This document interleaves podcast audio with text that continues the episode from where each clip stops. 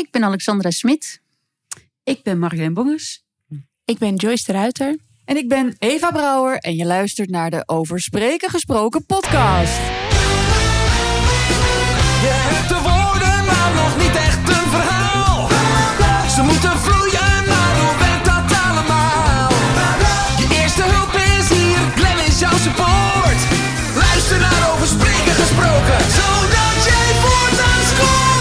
Hallo lieve luisteraar, wat fijn dat je luistert naar een nieuwe aflevering van de Over Spreken Gesproken podcast. Ik ben Glenn Vergoosen en samen maken we korte metten met plankenkoorts en leren we spreken met meer impact. En in deze aflevering, aflevering nummertje 105, hohoho, ik heb er zoveel zin in. Ik eh, kijk hier naar vier topvrouwen, vier powervrouwen die niet alleen topsprekers zijn, maar ook allemaal hun eigen expertise hebben.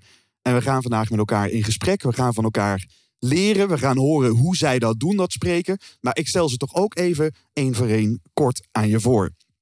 Je hoorde zojuist in het bumpertje allereerst Alexandra Smit. Zij studeerde onder andere theaterwetenschappen en werkt als storyteller en coach bij haar eigen bedrijf Fabel Training en Coaching. Zij helpt, uh, uh, ze heeft ook meerdere boeken geschreven. Echt hoeveel? De, vier inmiddels. Waarvan onder andere Zelfstandige met plezier.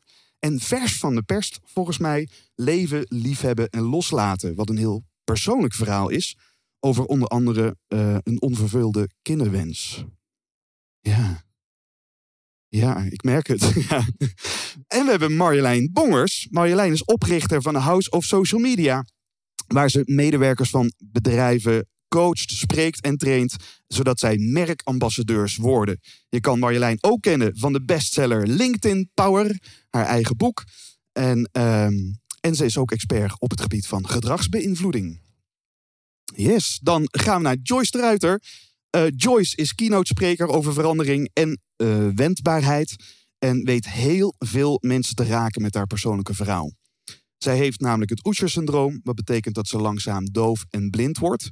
Maar zij zegt zelf: ik hoef, niet te kunnen zien om een visie te hebben. En ik hoef ook niet te kunnen horen om gehoord te worden. Daarnaast is zij presentatiecoach bij de Speaker Club en schreef zij het boek Niet horen, niet zien, niet zwijgen. Tot slot hebben we Eva Brouwer. Eva Brouwer is oprichting, oprichter van Pak je Podium, waar ze ondernemende vrouwen helpt. Nou, je raadt het al, het podium te pakken. Uh, is auteur van meerdere boeken, waaronder In 10 stappen je podium pakken en in 10 stappen online presenteren. Uh, haar uh, quota wees geen struisvogel, maar een flamingo. En wat zie je er weer beeldig schoon uit. Even wat fijne. Ja, maar we gaan het straks we gaan het opnemen.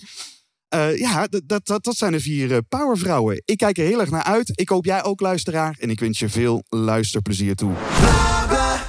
Lief allemaal, welkom. Dankjewel. Ja, en Cor, fijn dat jullie er zijn. De luisteraar heeft zojuist uh, al kort gehoord wie jullie zijn. Maar ik kan me toch voorstellen, we hadden het net ook over gewoon zichtbaarheid, je eigen verhaal. Dat mensen dingen van je weten. Terwijl jij de persoon in kwestie nog helemaal niet kent. Dus ik kan me toch wel voorstellen, ook om de luisteraar wat beter te leren kennen wie jullie zijn. Ben ik eigenlijk wel benieuwd wat voor. Als je, als je, als je, je kijkt naar je eigen keynotes en de verhalen die jullie delen. Wat is een één boodschap een waarde of een les wat je anderen graag mee wilt geven.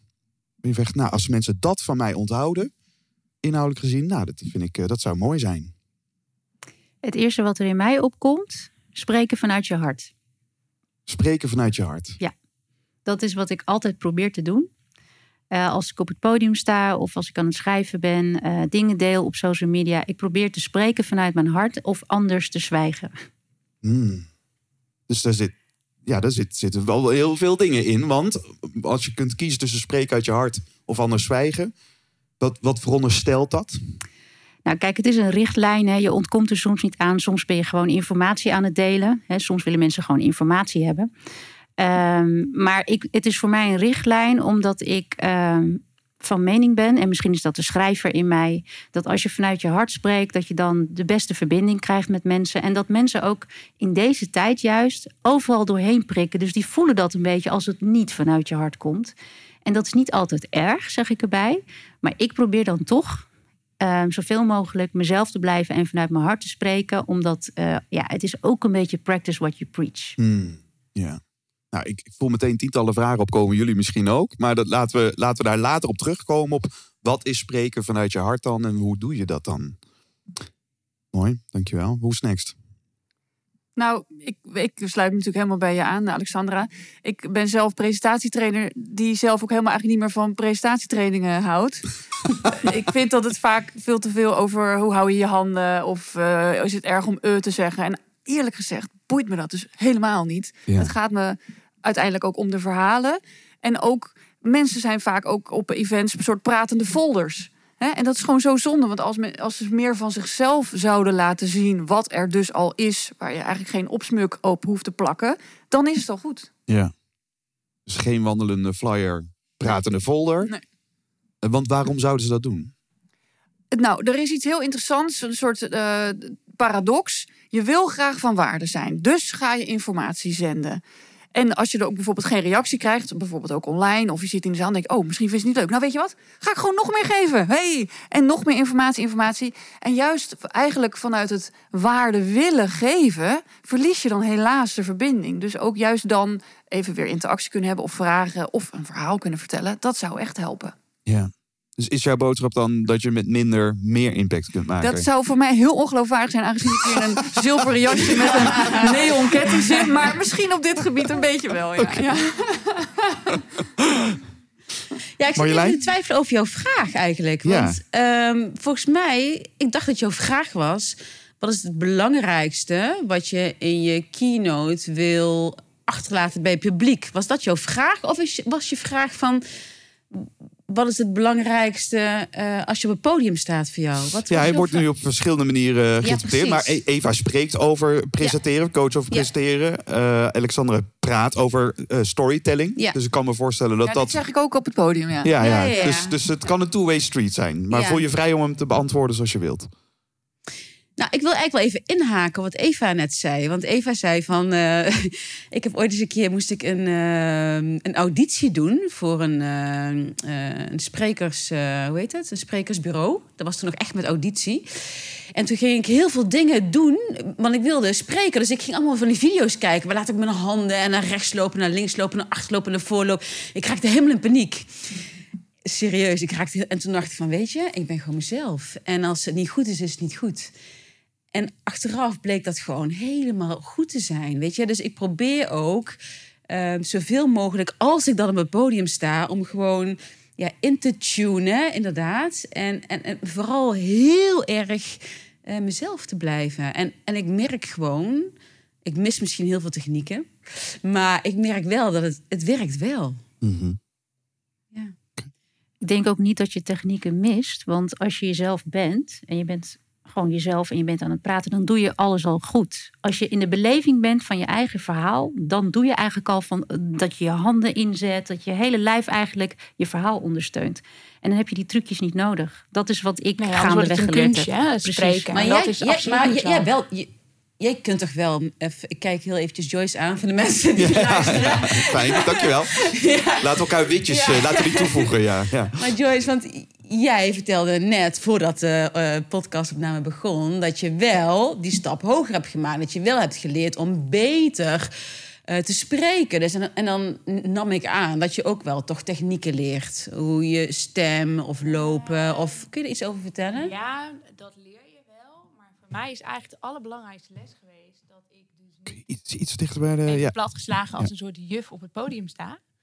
Want dan ben ik helemaal niet prettig om naar te kijken en te luisteren. Ehm, maar het spreken is eigenlijk alsof je tegen je vrienden in een kroeg een heel goed verhaal vertelt. Want dan ben je weer authentiek en jezelf. En dan wordt het ook weer geloofwaardig. Want op het moment, het spreken is geen kunstje. Je moet letterlijk in iedere vezel voelen wat je wilt zeggen. En dat doet iets met eh, je non-verbale communicatie. En ook met je stem bijvoorbeeld. En ja, er zijn technieken. Maar daartussen moet je altijd wel jezelf blijven. Het is niet een universeel trucje om toe te passen... en dan ben je spreker of zo. Dus die authenticiteit maakt dat je een goede spreker bent. En dat is nieuw bij de Speakers Club... waar we heel erg naar kijken. Ja.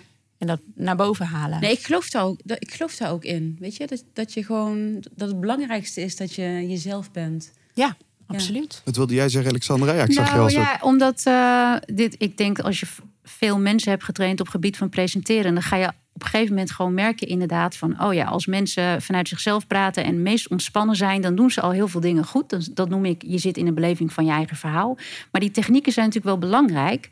Ehm, alleen je mag ze ook weer loslaten op het moment dat je daar staat. Dus ik zie de technieken echt als je bent je gereedschapskist aan het uitbreiden met tools. Die moet je dan een aantal keer gaan oefenen voordat je daar onbewust bekwaam in wordt. Ja. Ja. En als het eenmaal onderdeel van jou is, dan ga je ze vanzelf al inzetten. Dus Ja. dan wordt het vanzelf al beter. Ja, het is een bewustwording dat er een heel breed palet is, wat een onderdeel is van jou als spreker en in jouw vaardigheden. En daarbinnen vind je je eigen weg. Precies. Ja. Dat is ook zo. Ik, ik hoor, luister het nu in het. Een van de grappige aannames ook bij theater is dat mensen dan denken: oh ja, die, die, die moeten dan iemand anders doen. Eh, maar dat is eigenlijk imiteren. Ja, maar ik hou daar dus helemaal niet van. Dus ik acteer naturel en zo naturel mogelijk. Ja. Voor mij is acteren niet een rolletje spelen. Nee. Dat kan het natuurlijk wel zijn, dat noemen ze groot spel. Dat kan heel leuk zijn en, Ja. en eh, dat heb ik wel eens gedaan. Maar het liefste ben ik aan het acteren dat ik in een situatie zit... en dan reageer ik zo authentiek mogelijk in het hier en nu... hoe ik zou reageren. Ja. Dus, ik re- dus ze zeggen ook wel eens acteren is reageren. Ja. Ehm, en zo zie ik het spreken het liefst ook. Dat je wel die trucs op een gegeven moment in je gereedschapskist hebt. Maar als je eenmaal op het podium staat, dat je gewoon kan reageren op wat zich voordoet. Dus dat je in contact blijft met je publiek. En zo, dat, dat zie ik zeg maar als parallel met het theater. Ja, mooi. Ik, ik besefte namelijk niet dat meditatie bestond toen ik op de theateropleiding zat en erachter kwam dat we allemaal meditatieve oefeningen hebben gedaan. En eh, bodychecks. En dat we dus, dat dus heel veel oefeningen gaan over maniertjes afleren. Ja. Dus het- het- Ja. dat is het tegenovergestelde wat je zou denken. Namelijk dat je allemaal maniertjes opplakt, zodat je een, een typetje speelt. Maar jij zegt al heel mooi, dat is vaak niet wat raakt. Ook in die zaal. Want ook in de zaal raakt het pas ja, als er ergens dat, dat magische gebeurt waarvan je voelt... Hey, dat, dat, er wordt iets echt beleefd daar op dat podium. Klopt. Mijn acteerdocent die zei altijd: hou het zuiver. Hmm. En ik wist ook precies wanneer hij dat zei. Dat was dan wanneer ik minder gefocust was. En dan ga je dus over op techniek. En dan ga je dus dat rolletje spelen of je hebt iets voorbereid. Eh, en dan is het niet meer zuiver. Zuiver is het wanneer je gewoon in het moment blijft, in contact blijft met je tegenspeler. En dan gewoon gaat reageren. Wat is een boodschap wat jij graag wilt overdragen in jouw eh, keynotes, Joyce? Ja, dan kom ik denk ik bij mijn persoonlijke mantra. En, en dat adem en leef ik werkelijk iedere dag. En dat is dat je niet het slachtoffer kunt zijn van de verandering, alleen van je houding. En dus er komen allerlei zaken op ons pad waar je geen controle en zeggenschap over hebt. Maar hoe je hier vervolgens mee omgaat natuurlijk wel. En dat is voor mij wendbaarheid. En, en dit is wel een mantra wat ik bepaalde fases in mijn leven echt twintig keer tegen mezelf op een dag moet zeggen. En oké, maar ik heb de keuze hoe ik hiermee omga. En ik zou het heel mooi vinden als dat hetgene is wat iedereen onthoudt na mijn verhaal als fundament. Hmm. Mooi. Yes. En wat voor jou, Marjolein? Ja, een beetje afhankelijk van wat de vraag is van de keynote. Want dat kan bij mij nog wel eens verschillen. Ehm, Wat voor jou persoonlijk belangrijk is dan? Ja, ik denk dat het voor mij persoonlijk belangrijk is dat ik. eh, ik heb, mijn keynote gaat natuurlijk niet over een persoonlijk verhaal, maar het is hè, toch wel een deel kennis overbrengen waar we het net over gehad hebben. En eh, voor mij is het meer belangrijk dat, dat, dat mensen zien eh, hoe krachtig LinkedIn is en hoe, hoe succesvol je dat kan inzetten. En als we het hebben over zichtbaarheid en Eva, jij met Pak je Podium. Ja, LinkedIn is natuurlijk ook een fantastisch platform om echt je podium te pakken. En eh, ja, ik zeg altijd, met LinkedIn ligt de wereld letterlijk gewoon aan je voeten. Ja. Maar mensen moeten dat wel durven te bespringen. Zeker, Ja, oh ja. ja. maar dat en dat, weet je, ik- precies wat jij zegt. Ik kan het over, ik kan het laten zien, maar de next step is inderdaad, ja, hoe doe je dat dan? En, en ze moeten dat inderdaad wel durven. Dat is iets wat ik elke dag tegenkom en elke dag meer, meerdere keren hoor. Ja, ik wil wel, maar eh, ja, ik- ik durf dat podium eigenlijk helemaal eh, nog niet te pakken. Dus heel veel mensen vinden het, maar dat zal jij dat denk ik ook wel beamen. Heel veel mensen vinden het heel eng om een podium te pakken. Ja, volgens mij eh, gaan we daar nog over spreken ook. Hè? Ja, misschien is dat wel een mooie brug om Ja. het daarover te hebben.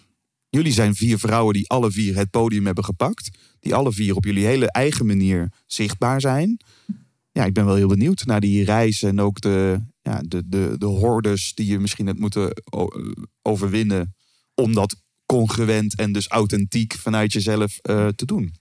Ik denk, kijk, je zei aan het begin, mijn motto is wees geen struisvogel, maar een flamingo. Maar waarom zegt iemand dat? is trouwens toch een heel ander niveau mantra dan die van Joyce, moet ik zeggen. Maar goed, het maakt niet uit. Uh, het is geen wedstrijdje. Uh, maar wie is die struisvogel? Ja, dat ben ik natuurlijk ook zelf. Ik ben en die flamingo, maar ook die struisvogel die soms ook wel eens onder de dekbed wil blijven liggen. En dan ook niet die durf heeft om dingen te doen. En je merkt dat je ervaring opdoet. Dus je bent nooit meer die persoon die een jaar geleden was.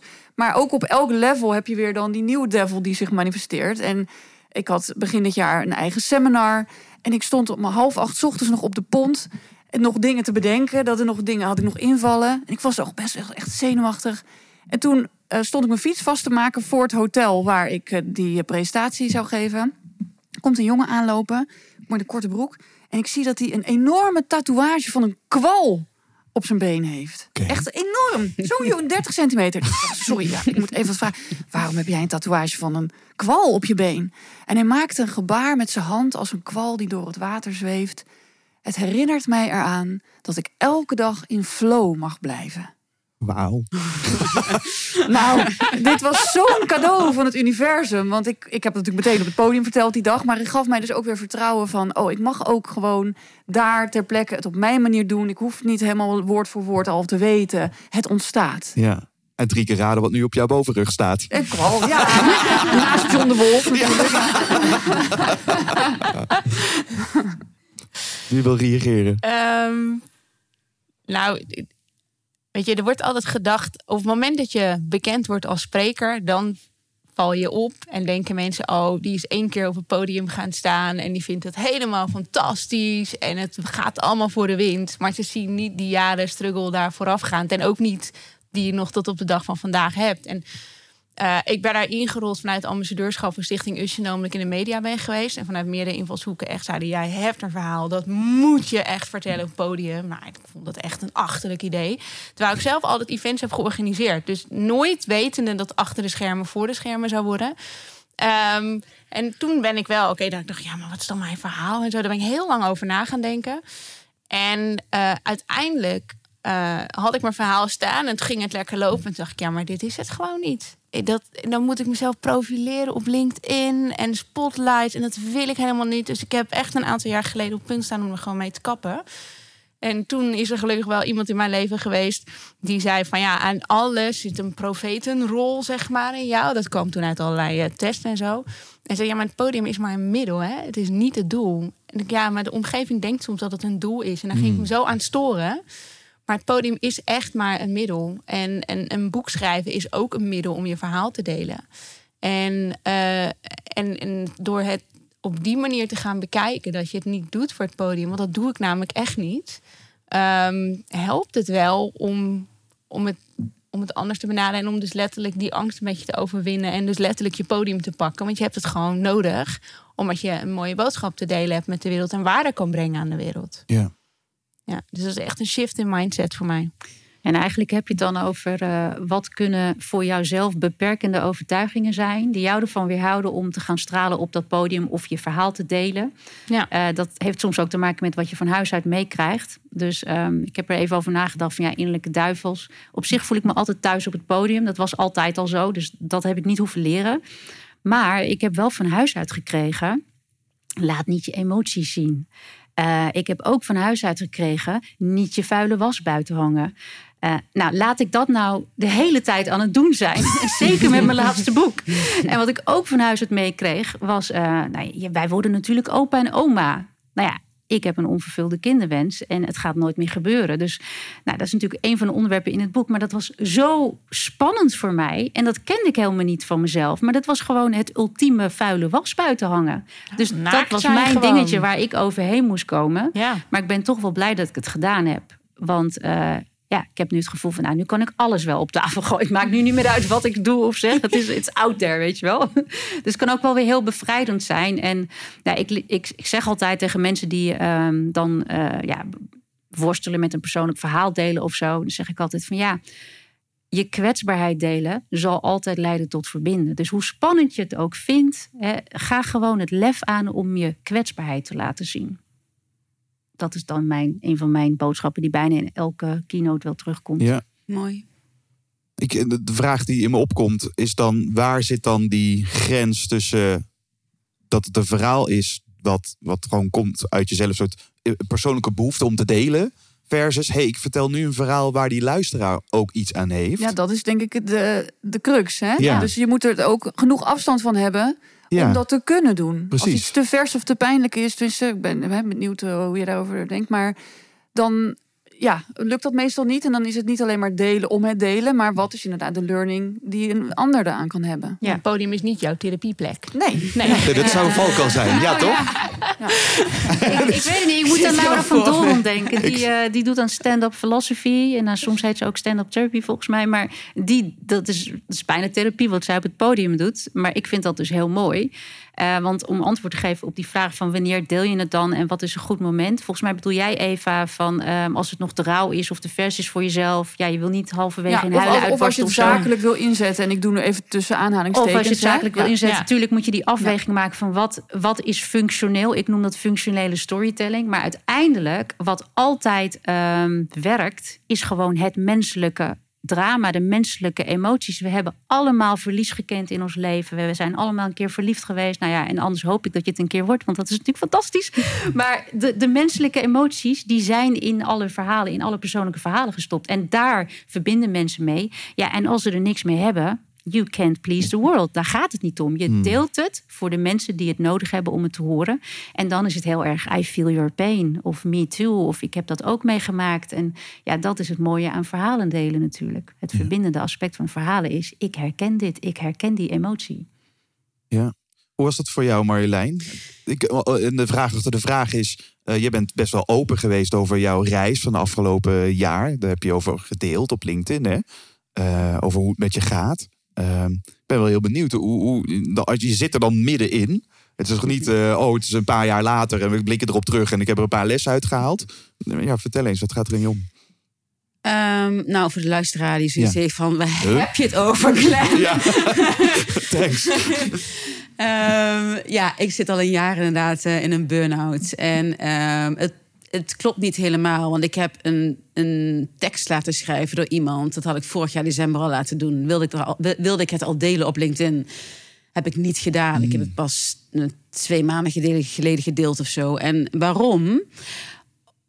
Om, ik vind het helemaal niet erg om me kwetsbaar op te stellen. Ik, ik deel met de hele wereld wil ik mijn verhaal delen over mijn burn-out en alles wat ik het afgelopen jaar heb meegemaakt en hoe donker het was. En, maar mijn angst was, als ik dat eh, in december had gedeeld, dus had ik net vier maanden in een burn-out. Ik was gewoon bang dat klanten zouden zeggen van, eh, oh, die moeten we dus niet meer hebben, want die, ja, die, zit in een burn-out, die Ja. kan niks. En, en dat, dat was, en, en, en dan ben je freelancer en je, je woont alleen en je hebt een huis en een kind en, en, en de verzekering die, die keert niet uit, dan heb je echt wel een Serieus uitdaging. probleem, ja. Dan heb je een serieus probleem. Dus wat ik heb gedaan, ik, ik ben door blijven werken op een heel laag niveau. En ik heb het inderdaad iets later verteld toen het wel wat iets beter met me ging. Ehm, ja, en dan zie je inderdaad dat, dat zo'n post op LinkedIn... waarin je dan je kwetsbaarheid deelt, dat dat... Ja, daar krijg je de meeste reacties op, weet je. Dat, dat, dat zijn verhalen die mensen mooi vinden. Die mensen ze vinden het knap dat je deelt. Ja, ik, dat voel ik daar niet zo bij. Maar ja, dat, dat, voor mij was niet moeilijk om te delen. Ik vond alleen het moment. En dan zakelijk gezien, de combinatie met, met, met zakelijk... vond ik een lastige. En daarom heb ik er heel lang mee gewacht. En hoe heeft dat uitgepakt? Nou ja, goed, weet je. Ik bedoel, daar hadden we het in de auto net ook al even over. Ik heb bedrijven gehad. eh, eh, ik heb een jaar lang bijvoorbeeld geen auto kunnen rijden. En dan waren er bijvoorbeeld bedrijven op de Zuidas in Amsterdam... die zeiden van, eh, ach, we komen je halen, weet je. Dat ik echt dacht van, wow. Ehm, alle begrip voor. Maar ik heb ook MKB-bedrijven gehad. Dat ik, ja, die hadden daar gewoon ge- nergens begrip voor, weet je. En dat vond ik eigenlijk wel een eye-opener. Dat ik dacht van, wow. Dus die hele grote corporate bedrijven, die, het lijkt wel alsof... Die onpersoonlijk zouden moeten zijn. Die zijn juist heel Dat- serieus? Ja, Die hebben mij zo enorm verrast. ja. Ja, fantastisch. Mooi. Dus nogmaals, ik heb nooit problemen om een verhaal te delen of om dat podium te pakken. Maar het, ja, timing. Ja. Ja. En ik hoorde jou net, Alexandra, zeggen van... joh, niet iedereen hoeft het leuk te vinden... maar omdat jij de eerlijkheid hebt om een bepaalde emotie te delen, te beschrijven... zal er altijd iemand zijn die diezelfde emotie erkent, voelt. Ik, ik wil jouw quote niet gebruiken, maar je hebt de quote volgens mij... niet iedereen zit op je te wachten, maar... Sommigen zitten om jou te springen. Ja, Ja, mooi. Dat vind ik heel Ja. mooi. Ja. Ja, je kunt toch ook niet iedereen nee, maar daarom, altijd mensen maar houden zich dus in. bedienen? Pas zat ik in een training en toen zei iemand, zijn vrouw tegen mij... ja, maar jij draagt altijd pailletten en kleur, maar dat kan ik niet doen. En toen dacht ik, oké, waarom niet? En nou, er kwamen allemaal oordelen die ze er zelf op had. Maar ja, dat is natuurlijk gewoon... Mensen hebben toch al een oordeel. Of je nou wel of niet die pailletten aan hebt. Dus als jij daar blij van wordt, weet je wel... niet iedereen zit op jou te wachten, maar sommigen zitten om jou te springen. Dus go for it. Ja. Als we dat dus even destilleren. Moed hoor ik hier aan de ene kant, maar ook kwetsbaarheid. Eh, nou, de kracht dat van is, hoort bij kwetsbaarheid. elkaar. Ja, dat hoort bij elkaar. Ja. Zouden we die, zouden we die eens verder kunnen verdiepen? Omdat er luisteraars zijn die misschien op die wipstoel zitten. eh, maar, maar dit horen en ik, ja, ja zij, zij- zij zijn er al, maar dat- ik, ik niet, weet je wel. Ik, ik, ik zou dat nooit durven. Of wat voor belemmerende gedachte daarbij hoort. Wat- Nou ja, ik Nou vind dat dus bullshit als je dat zou zeggen. Van ik zou dat nooit kunnen of durven. Want ik ben daar ook geweest en ervaren dat ja, stap voor stap groei je daarin. Maar waar ik heel erg altijd naar kijk is, ik noem het spreekrecht. Dus wie ben jij om dit verhaal te vertellen dat de ander het gaat ontvangen? En daar heb je toch wel een stukje persoonlijkheid voor nodig. Ik wil prima iets van iemand aannemen, maar niet als ik geen idee heb welke persoon erachter zit of zo. Ik moet daar toch altijd wel wat meer over Dus weten. als je dan meer zou delen, kan je dat spreekrecht meteen ook meer verdienen? als het past bij je boodschap wel. Dus eh, het is niet zo op het moment dat jij vertelt eh, hoe je thuissituatie eruit ziet, dat je daardoor iets kunt vertellen over LinkedIn of zo. Maar wel als je het weer aan elkaar kan koppelen, vind ik je nu een super tof wijf, vond ik al. Maar eh, ja, kan ik me voorstellen dat het meer deuren opent en mensen je nog meer aan je bindt, omdat ze het idee hebben dat ze iets meer van je kennen. En je geeft ook een voorbeeld in jouw geval hoe kwetsbaarheid op LinkedIn weer werkt. Dan matcht het. Ja, en uiteindelijk zou je ook klanten ermee kunnen helpen die zelf in een soort kwetsbare fase zitten. Hoe, jij, hè, hoe zij dat zouden kunnen toepassen. Ja, Zo, het zou kunnen. Ehm, doe ik nu nog niet of niet. Maar ja, het, het zou inderdaad wel kunnen. Maar mensen vinden het wel fijn ook om...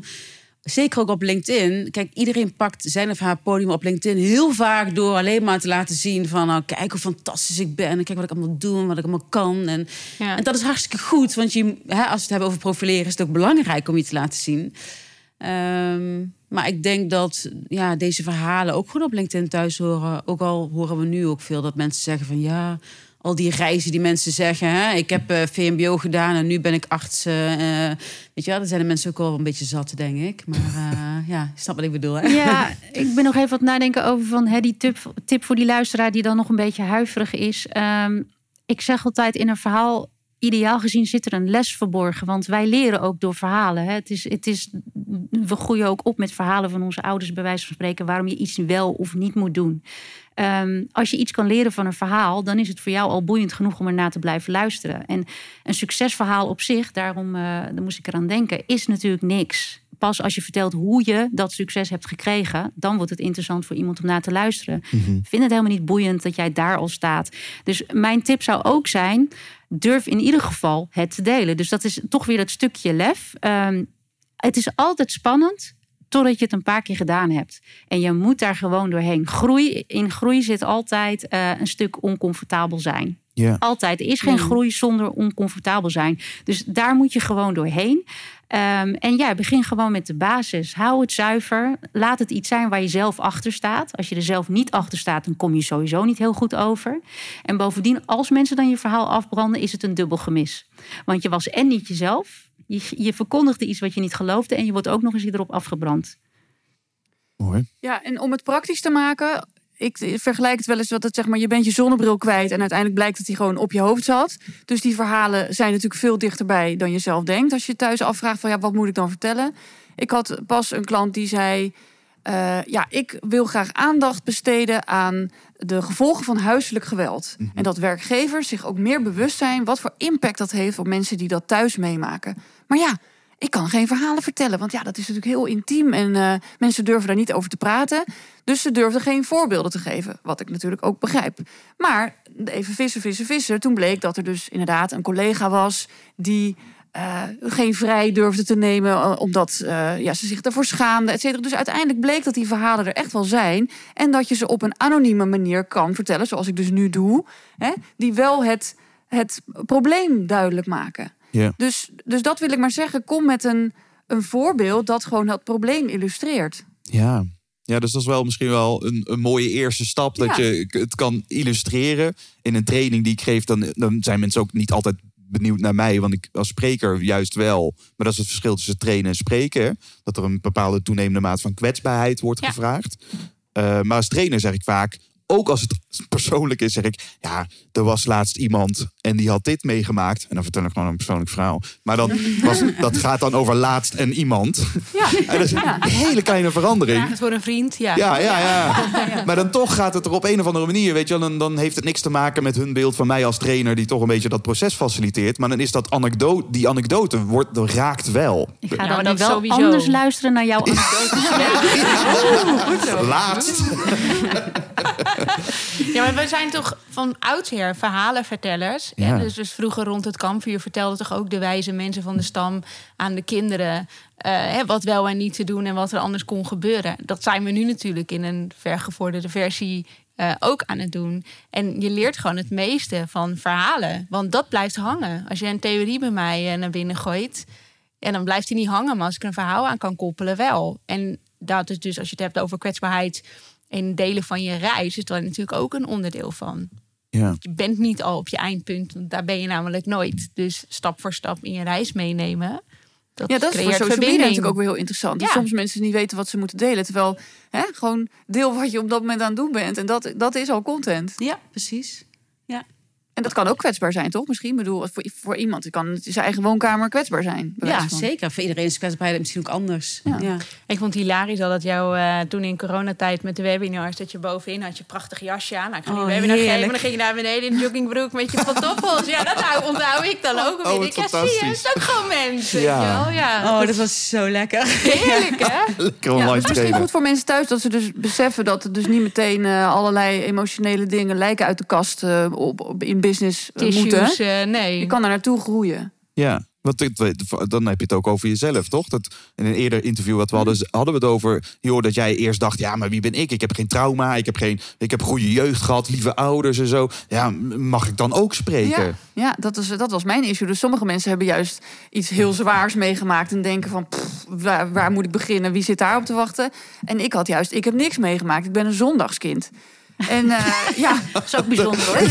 Nu, nu wordt het ook wel een soort typo, typologie, ja. De shit van een zondagskind, hier gaan we, ja. Moet wel heel weet je wel. zwaar voor je zijn. Maar dat is natuurlijk ook iets wat heel veel andere mensen hebben, die, ze- die hun eigen verhaal ook niet per se de moeite waard vinden. Maar ik, ik merk, en ik merk, ik merk dat ik daar nog steeds in groei. Want nu vind ik het bijvoorbeeld belangrijker om me over maatschappelijke thema's eh, uit te spreken. En dan, dat, dat voelt ook weer spannend. Dan merkte ik dat ik me ook zat in te houden. Omdat ik toch bang was wat anderen ervan zouden vinden. Dus ja, zo groeien we nog steeds door hierin ook. Ja, maar net als dat je humor kan lenen, kan je natuurlijk ook verhalen lenen. Hè? Dus je kan inderdaad, het zogenaamd het verhaal van een vriend of zo, eh, die anoniem blijft, kan je altijd verwerken. Ehm, maar dan, het moet wel passen bij jou en wat, je, wat de boodschap is die je wil brengen.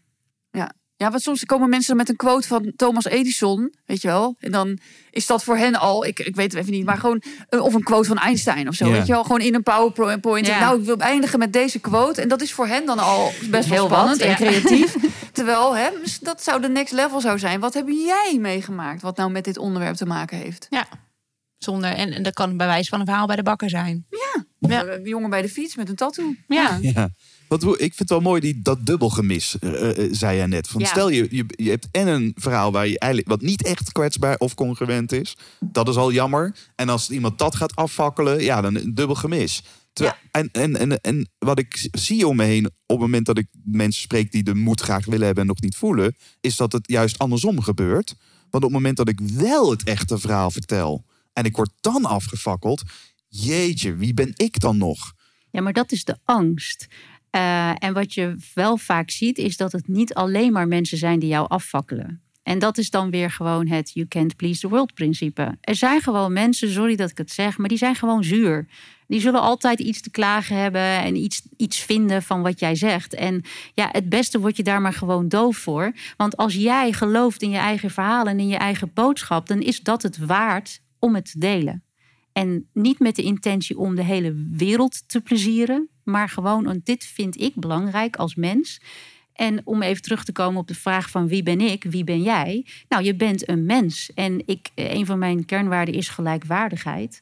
Ehm, je bent een mens en dus heb je spreekrecht. Mm. Dus als jij vindt dat iets belangrijk voor jou is, dan mag jij dat delen.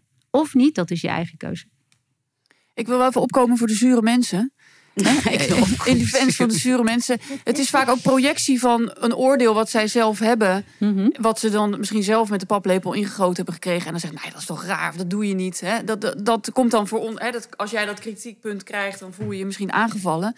Maar ja, je kan dus ook dingen weer loslaten, die kritiek of feedback. Omdat je denkt, hé, hey, dat komt daar vandaan. Niet mijn ding. Ik, ik laat het even bij die persoon voor Ja. wat het is. De- de- de- de- mijn mindset is dan, er is een ander perspectief dat naast de jouwe is gezet.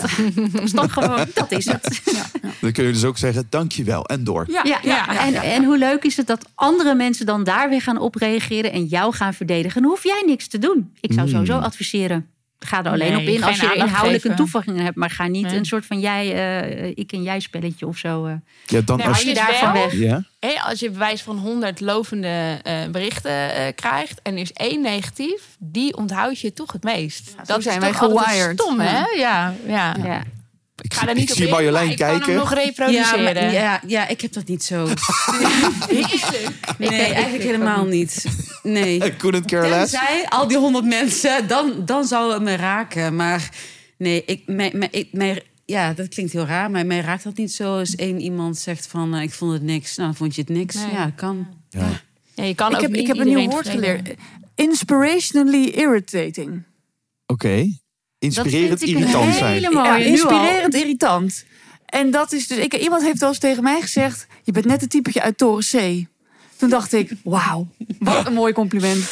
Hè, dan ben ik blijkbaar wel opgevallen. En het was natuurlijk niet echt een compliment, dat snap ik natuurlijk ook wel. Maar ik kan me voorstellen dat sommige mensen denken: van, "Poeh, hoe heftig. Maar het gaat ook om raken, weet je wel. Dus ik weet dat ik mensen kan raken. Ik moet dan denken, Remco Klaas die zegt... als je dan gewoon een boardroom inloopt... en je geeft iemand een stomp in zijn gezicht... en je plast over zijn aantekeningen heen... dat vergeet hij nooit meer. Nooit. Maar dat dan... eh, Ja. Hey, ik ben wel benieuwd als jullie dit zo uitspreken. En, en we hadden in een korte voorbespreking ging het over nou, of er een verschil is tussen eh, als vrouw op een podium staan en spreken en als man. En, en, en jij droeg dat aan, eh, Joyce. Dus ik ben wel, ik ben wel benieuwd. Hoe, hoe zie jij dat?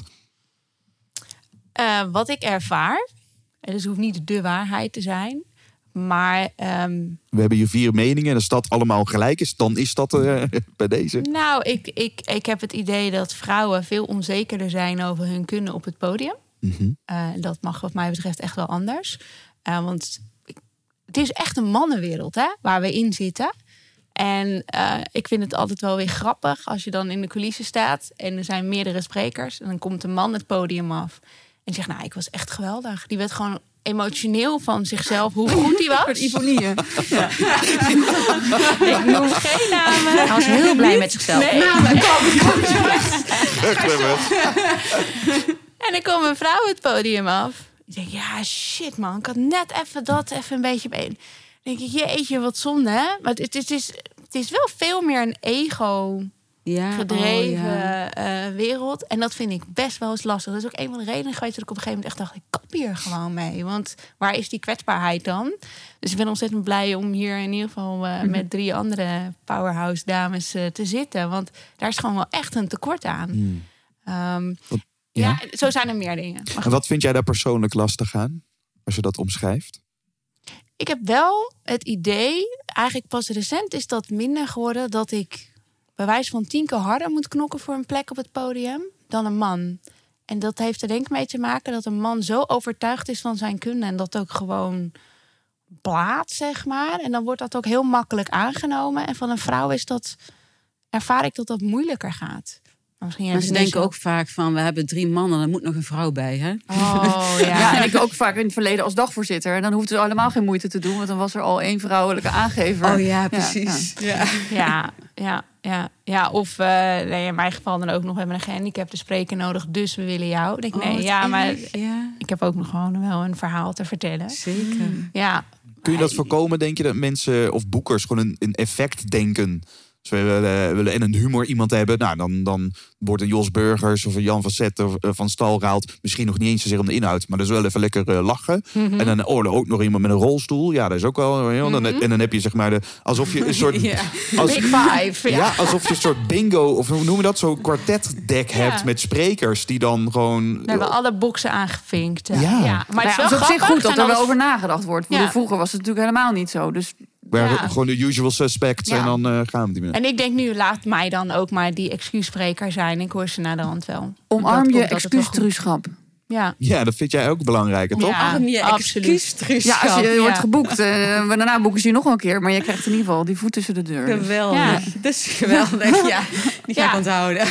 Nou, ik dacht eerlijk gezegd, Joyce, dat jij meer...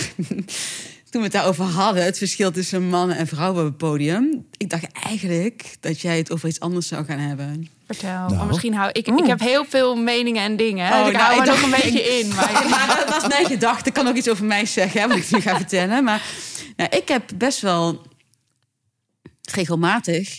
eh, ligt er ook een beetje aan wat voor types er in de zaal zitten. Maar vaak zijn het ook mannen die er in de zaal zitten. Ehm, ja, dat, dat, dat je nog wel eens wat opmerkingen eh, te horen krijgt of zo, weet je? Zoals? Oeh, alsof het ehm, een soort Tinder is of zo. Bedoel je dat? Ja, dat zijn wel bepaalde opmerkingen, ja. Waar Ja. je dan echt wel super ad rem en op een leuke manier eh, moet reageren. Ik kan ze even niet reproduceren, maar dat zijn dan wel opmerkingen die je dan krijgt als je iets Terwijl aan je het vertellen bent. aan het vertellen bent. Ja, terwijl je aan het vertellen bent. Ligt natuurlijk aan hoe groot de zaal is, maar als, hè, als mensen de, de, de vrijheid voelen, ehm, dat, dat maak ik wel heel regelmatig mee. Ja. Ja, ik niet aan publiek. Want ehm, als je begint met een opening over doof en blind worden... dan haakt werkelijk iedere man zeg maar al wel af in mijn optiek. Eh, dan ben je al niet interessant meer. Ehm, Oh, ja. even, even Joyce, volgens mij. jij, raakt een emotionele snaar dat je wel een hele. Nou ja, plastische mannelijke type moet hebben die dan nog denkt, nou, ik zou dat nog steeds wel doen hoor. Eh, En je hebt ook heel goed haar. Ja. Ik kijk wel voor jou. eh. ja, nee, nee, maar toch, dat zou, Ja. je, dat, je, je, je raakt een snaar. Dus dan, je voelt gewoon die ja, zaal die, zo. die sfeer die zet gelijk om. Dus Ja. ehm, nee, het is meer de privéberichten op LinkedIn. eh. Oh, wauw. Maar jongens, het is toch best heftig wat jullie vertellen. Dat het dan Ja. toch, ja, eh, dat je op je heel erg op je vrouwelijkheid en je. Ach, weet je, ik kan er ook wel weer om lachen. En het zorgt er soms ook voor dat de, dat de sfeer... Denk, laat ze maar, weet je wel. Op, op dat moment, als ik op dat moment er goed in zit... dan kan ik daar inderdaad op een hele leuke manier op reageren. En dan zijn ze ook stil. Snap je wat ik Ja. bedoel? Ja, ik heb, je kan ook stil. Ik heb wel eens gehad dat je dan opkomt en dat iedereen met de armen over elkaar zit. Bij een bouwbedrijf of zo. Of, of gewoon heel, heel veel mannelijk publiek. En dat je dan echt die eerste minuten moet je echt werken om jezelf te bewijzen. Van de- dat je je eerste grap moet vallen en dat ze dan lachen. En dan zie je ze op een gegeven moment kunnen ze ontspannen en mee in het verhaal. Of dan laat ik ze een oefening doen. En dan juist pak ik degene met de grootste mond. Hup, ja, ja jij even zo, eh, armen dit. En dan, eh, ja, dan zie je dat er juist wat... eh, ja, dat ze minder één blok vormen als het ware. Maar ik weet niet hoe ervaar jij dat, Alexandra? Dat je harder Nou ja, moet werken of sceptisch ziet? Nee, ik, en ik schaam me ook een beetje. Ik ben dus naar jullie mooie verhalen aan het luisteren. Maar ik heb meer zoiets van... Hé, waarom laten ze mij dat niet doen? En waarom vragen ze mij niet? Ik, ik heb eigenlijk ik heb die podiumvrees gewoon nooit gekend. Dus ik voel me gewoon letterlijk thuis op het podium. Dus zodra ik ergens binnen ben... en het maakt niet uit hoe het publiek erbij zit... of hoeveel mannen of hoeveel vrouwen erin zitten... Ik ga er gewoon voor. Ik ben meteen hier en nu. Ik maak contact met ze. En nou ja, dit wat jij net zei, met die armen over elkaar en zo. Natuurlijk heb ik het ook wel gehad. Ik heb heel vaak lezingen en trainingen bij de Europese Commissie gegeven. Nou, dat is een diversiteit aan culturen natuurlijk. De een spreekt Frans, de ander spreekt Duits. Dus mijn trainingen dan in het Engels. En die hebben gewoon bijna geen gezichtsuitdrukking. Die zijn heel erg mat, bij wijze van spreken. Want Nederlanders zijn best wel, die pakken het woord heel makkelijk. Die doen heel Ja, dat makkelijk verschilt mee. ook al per regio. Per regio zou dat kunnen Ja. verschillen, absoluut. Maar toch, in mijn ervaring, de gemiddelde Nederlander versus die mensen die ik Mhm. bij de Europese Commissie tref, die zijn best wel mat. En dan denk ik van, nou, nou ja, ik, doe hier, ik sta hier een beetje mijn best te doen en alles. Af en toe een grapje te maken. En op het einde denk ik dan van, nou, ben toch wel benieuwd hoe ze het vonden. En dan komen ze van, ja, we hebben nog nooit zo'n goede training gehad hier. Ze hebben natuurlijk niet zoveel geld bij de Europese Commissie. Maar dit is echt bovengemiddeld goed. En oké, dus het klopt wel. Maar dan kan je soms wel eens het verkeerde idee krijgen. Dus dat is dan mijn momentje van onzekerheid. Dat ik denk van, ik hoop maar dat, dat, dat het goed overkomt. Want dan probeer ik natuurlijk gaandeweg wel dat contact te maken. Maar ze hebben gewoon, ja, ze zijn wat matter in hun expressie. En dat komt pas na afloop. Na afloop komt het dan pas los. Maar je werkt dus, je, je hebt ook ervaring als model, als actrice. Je hebt in commercials gespeeld. En jij herk- herkent dus niet de aantrekkingskracht van mannen die dan je misschien herkennen op social media en daar dan de gelegenheid. Nou, ik heb wel heel vaak dat er na een training of lezing iemand nog even mij linkt op LinkedIn of een berichtje stuurt of een mailtje stuurt. Ik heb laatst na een storytelling training een heel romantisch mailtje van iemand gehad en ik dacht van oké, dat was niet helemaal wat, hoe ik zeg maar de training beleefd heb. Maar daar, daar leer je gewoon mee omgaan. Dat hoort ook een beetje bij het leven natuurlijk. Eh, want ook als je niet een topspreekster bent eh, en iemand ziet jou op straat. We zitten in een social media tijdperk. Je kan mensen ontzettend makkelijk vinden. En dus word je ook gewoon makkelijk gevonden. Het is toch ook mooi. Eh, Sommige, ja, soms kunnen de vrouwen daar vind ik ook een beetje moeilijk over doen. Ja. Het Nee, maar hoort- het soms, kun- wel soms, bij, kunnen, hè? vrou- soms Ja. hoor ik vrouwen echt. Het is, het is ook iets van deze tijd. Die doen heel moeilijk over het feit dat ze een leuk bericht van een man hebben gekregen. Waarom? Weet je wel, zeg dankjewel en ga door. Of, Ja. Het, het is toch, het is toch het is het een- je moet het kunnen zien als een compliment, maar het moet niet grensoverschrijdend Nee, worden oké, of zo. En nee. daar zit een grens. Dus voor ja. al die mannelijke luisteraars kunnen we eens een, een, hen de kennis, Love de kennis geven. Waar, waar zit dan? Dat is natuurlijk voor iedereen anders. Leuke podcast, Ja. Waar- waar, ja, Grens, ja. ja, Nou over spreken vind- gesproken. vind- Wanneer mag je spreken? Wanneer moet je, moet je gewoon, kun je beter even doorslikken? Ja, Ik vind dat eh, ik kan het waarderen als iemand moeite doet om te laten weten van joh, ik vond jou helemaal bijzonder. Dat, dat kan ik waarderen, of dat nou een man of een vrouw is. ja. Eh, want net zo vervelend is dat wanneer je wel iemand leuk vindt, dat die, die helemaal niks doet. Daar houden we ook niet van, volgens mij. ja. Alleen, ja, dan kom je nooit achter als iemand nooit de eerste stap neemt. En Ja. ik vind dan is het aan de vrouw in dit geval om te laten weten of dat wel of niet wederzijds was. Dus ik, in eerste instantie bedank ik iemand. Zeg van nou, wat ik, ik kan waarderen, dat zeg ik ook letterlijk, ik kan waarderen dat je, dat je naar me uitreikt. Ik heb het zelf niet zo beleefd. Eh, ik sta daar nu niet open voor of zo. Of in ieder geval, ik probeer wel heel duidelijk te zijn. Ja. Want als je niet duidelijk bent, dat heb ik ook wel geleerd. dan blijven de berichten komen. Oh ja, en dat is ook niet de bedoeling. Ja.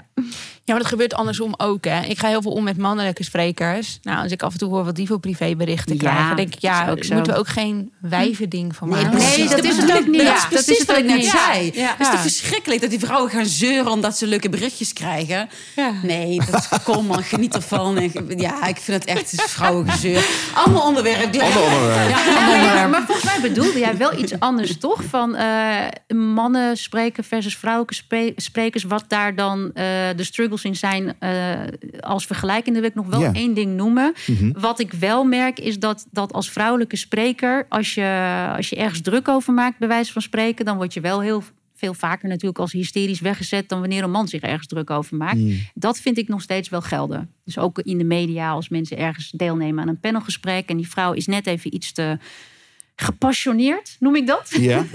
dan, eh, daar moet je altijd een beetje mee oppassen. Ik ben zelf ook zo'n gepassioneerde vrouw... dus ik heb wel moeten leren om een beetje gas terug te nemen... en iets koninklijker te zijn in mijn feedback. Ja, dat is, dat is wel echt een terechtpunt. Als, als vrouwen de moeite nemen om wel op te komen dagen, met name in de media, krijgen ze het echt tien keer zo hard voor hun kiezen dan een man. Dus dat is wel echt. eh, Ja, en een vrouw is veel kritischer op zichzelf. Ja, en dus een man heeft een eh, veel ja. groter ego en vindt zichzelf al heel snel geweldig en het hele podium waard. Maar is dat echt waar? Versus vrouwen. Ja, nee, dat, is dat echt zo, echt Ja, zo. In ieder geval, wat- Behind the scenes ook altijd. Na vier jaar podcast, wat ik in ieder geval herken, is dat ik twee keer zoveel vrouwen moet vragen om ze voor mijn microfoon te krijgen dan mannen. Dat is echt een verschil waarin ik dus ja, vaak nee krijg. Of uiteindelijk een ja heb, maar dan ja, het komt toch niet zo goed uit. Of ik vind dus ik gun iedereen pak je podium. Want Ja. ik zie experts, ik zie auteurs. En ik kom, dan denk ik, oh wauw, mooie gast. ja, en ze hebben ook eigen En dan verantwoordelijkheid. vraag Ja. ik, wil je alsjeblieft komen, want een mooi boek en zo. Ja. En ik krijg heel vaak nee. Nou En ik heb geen idee waarom. En als ik daarna vraag, dan krijg ik allerlei rationele argumenten. Waarvan ik dus afvraag of die rationele argumenten altijd kloppen. Mhm. En de man denkt, oh, die voelt zich vereerd. Nou, dat is ego-strelend. Die zegt, ja, ja, leuk. Dan ben ik die man. Ik ben daarin de man. Ja, volgens Ik mij... denk, waarom Ja. vraag je mij niet? Daarom zitten wij Ja, hier. ja, dat, maar dat is echt een van de redenen dat jullie hier zitten. En daar ben ik heel blij mee. Want, want dat, is dus, dat is dus daadwerkelijk een verschil. Jullie zeggen daar ja tegen. Maar, eh, hoe heet ze ook alweer met de monster met de gouden ogen? eh, De, de media... eh, oh, oh, ik ga het opzoeken. Ik kom even niet. niet op haar naam. Wat zeg je? Deze is een, is een medium, de, de Hilversum, een Hilversum-expert die heel veel eh mediatraining geeft. Machteld Kooi. Ja. Ja. Ja, die zegt ook heel duidelijk gewoon, eh, ook naar vrouwen toe, zeg ja. Alsjeblieft, begin nou met ja zeggen dat je die kansen ook pakt. Eh, en dan Of ontstaat er... vraag bedenktijd. Dat kan je ook doen als je het even spannend vindt. Hoef je niet meteen nee te zeggen. Maar, Ja. eh, of zeg ja en ga dan kijken hoe je het regelt. Of Ja. zeg nee en doe het niet. Ja, en Ja, dat is ook als- oké, als, het, het kan ook namelijk een foute ervaringen opleveren. Ja, ja. Ik kan me ook voorstellen dat ze denken, nou die flapdrol eh, met die schreeuwige jingle, Nou ja, die, eh, die hoef ik niet. Het, het is, Dat- het dat is kan als, ook. als, als je een paar keer nee zegt, dan doe je dat uit onzekerheid. En laten we eerlijk zijn, als die camera op je gericht staat en je staat bij een Jinnik of zo, dan is dat heel erg Ja, maar spannend. dan kan je toch lekker eerst bij Glenn gewoon wel een keer ja Nee, zeggen. dat bedoel Voor- ik. Want anders kom je Ja, nooit bij dat, dat is wat ik wil, dat is wat ik wil zeggen. Ehm, het, het, is, het is juist, zeg maar, maak dan stapjes. Ja. Maar ga niet meteen voor de leeuwen. Want dat kan juist weer een trauma opleveren... waardoor je helemaal nooit meer daar eh, gaat staan of Ja. zitten. Roep hulp in. Ja, maar wij, Ja, wij ofwel hebben... heel goed voorbereiden, ofwel inderdaad bij die nee houden. Maar ik zou niet ja zeggen om het ja zeggen. Dat wil ik er toch even bij zeggen. Want ik heb te veel mensen daar de mis in zien gaan. En dat is verschrikkelijk voor je. Hè, dat gaat rondzingen op Twitter en zo. En Dan word je juist bevestigd in die onzekerheid die je mogelijk al Dus had. ga je gewoon ofwel heel goed voorbereiden als je het heel graag wil. Maar soms moet je ook realistisch zijn. Als het niet voor jou weggelegd is, doe het dan ook gewoon lekker niet. Hmm. Blijf dan gewoon lekker doen eh, wat je doet. Want je kan ook op andere manieren succes hebben. Dat kan, achter de schermen. Ja, maar dus, er zit een verschil. Wij mensen hebben natuurlijk allemaal van die stemmetjes in ons hoofd. Hè? En ik zeg altijd het duiveltje en, en het engeltje. En ik denk dat, dat vrouwen eerder geneigd zijn om te luisteren naar het duiveltje. Je bent niet goed genoeg, je kan het niet. En wie denk je wel niet dat je bent? En wat, wat ga je nou eigenlijk vertellen? En zitten mensen op jou te wachten? En dat mannen wel sneller geneigd zijn om te denken... ja, maar ik ben echt goed en ik ben geweldig. en ik weet misschien maar 10%, maar een beetje fake it till you make it. En dan komen we er wel. En ik zou het gunnen dat we allebei ook even bewust zijn van het feit dat we twee stemmetjes hebben. En dus ook naar die Ja. ander luisteren. Ik heb, ik heb ooit bij de media gewerkt. Ik was televisiepresentator. En er was een koningshuisdeskundige. Die wist echt niks. Die moest ik dan nog influisteren van welke, weet ik veel, couturier de jurk was. Van, eh, echt, die, de- hoe is die gast daar gekomen? Echt, weet je wel? Ja. beetje bluff. Ja. Wat zou het dan zijn? Beetje bluff. Beetje bluff. Dus ma- Ja. dat mag ook. Beetje bluff. Ik vind het knap. En hij had er verder geen moeite mee dat hij dat niet wist. Want hij dacht, oh mooi, kan dat feitje er ook nog even in Ja, fietsen. ja. En dan Ja. tegelijkertijd in deze regenboogwereld, waarin er ook gewoon ook mannen allerlei smaakjes hebben, waarin de stereotypering macho man die het allemaal zeker weet. Jij zei net al, of, ja, ik, of ik weet niet wie het zei, van ik vraag me af of die of we, alle mannen zo zeker zijn van zichzelf. Er zijn natuurlijk een legio aan eh, onzekere mannen. Ik vond het volgens mij mooi met Anouk Sterk, ook eh spreekcoach. Die zei, ik zie eigenlijk alleen maar mannen die, ja, die en volgens mij ook Margreet Jacobs. Eh, die zei ook van ja, ik, ik zie eigenlijk meer mannen die ja, doodspannend vinden. Echt klotsende zweetoksels. En het, het is ook Ja, echt heel lastig vinden om een stem Glenn, te want laten kijk, de horen. mensen waar, die, waar Joyce het over heeft... dat zijn natuurlijk degenen die hoog op de apenrots... in sprekend Nederland het al eh, gearriveerd zijn. Hè? Dus die, die, die zijn gewoon... eh, zitten heerlijk in hun vel. Good for them. Maar ik ken inderdaad ook mannen die dus super onzeker zijn... en ook blackouts krijgen tijdens een vergadering... terwijl Klopt. zij de financieel directeur zijn of zo. Die gaan helemaal stuk. Ja. En ik, dan moet ik ook zeggen, weet je wel, eh, vrouwen hebben bepaalde dingen. En misschien ze zijn we een beetje zwart-wit, maar vrouwelijk, mannelijk. Maar eh, mannen wordt vaak heel veel verwachting al op de schouders gelegd. Van, oh, jij doet dat toch wel even. En, en om die verantwoordelijkheid te dragen, vind ik best heftig voor ze. Klopt. Ja, Dus- en, en we scheren misschien te veel van één. En Ja, er zijn precies. Ja. mega veel ongelooflijk goede mannelijke sprekers... die, vind ik, alle rechten hebben bewijs van om een groot ego te hebben. En er mogen veel meer goede vrouwelijke sprekers bij. Bij. Dat, dat is Ja, ook natuurlijk en, een... en sommige mannen mogen iets meer in de spiegel kijken. Maar dat mogen sommige vrouwen ook. ja. Ik Ja. vraag me wel af of. Ik heb niet ervaren dat er een gebrek is aan goede vrouwelijke sprekers. Eerder een gebrek aan ze die kans gunnen op het podium. Mm. Dat is mijn beleving. Want ik bedoel, als je kijkt naar de sprekersbureaus, er zijn toch echt wel. Nou ja, ik denk niet dat het overdreven is, maar er zijn zeker honderden goede vrouwelijke sprekers. die gewoon niet aan bod komen. Die dus niet uitgenodigd Die worden. worden niet uitgenodigd. Het, het, het is vaak toch wel wat men kent, dat wordt uitgenodigd. Ja. ja.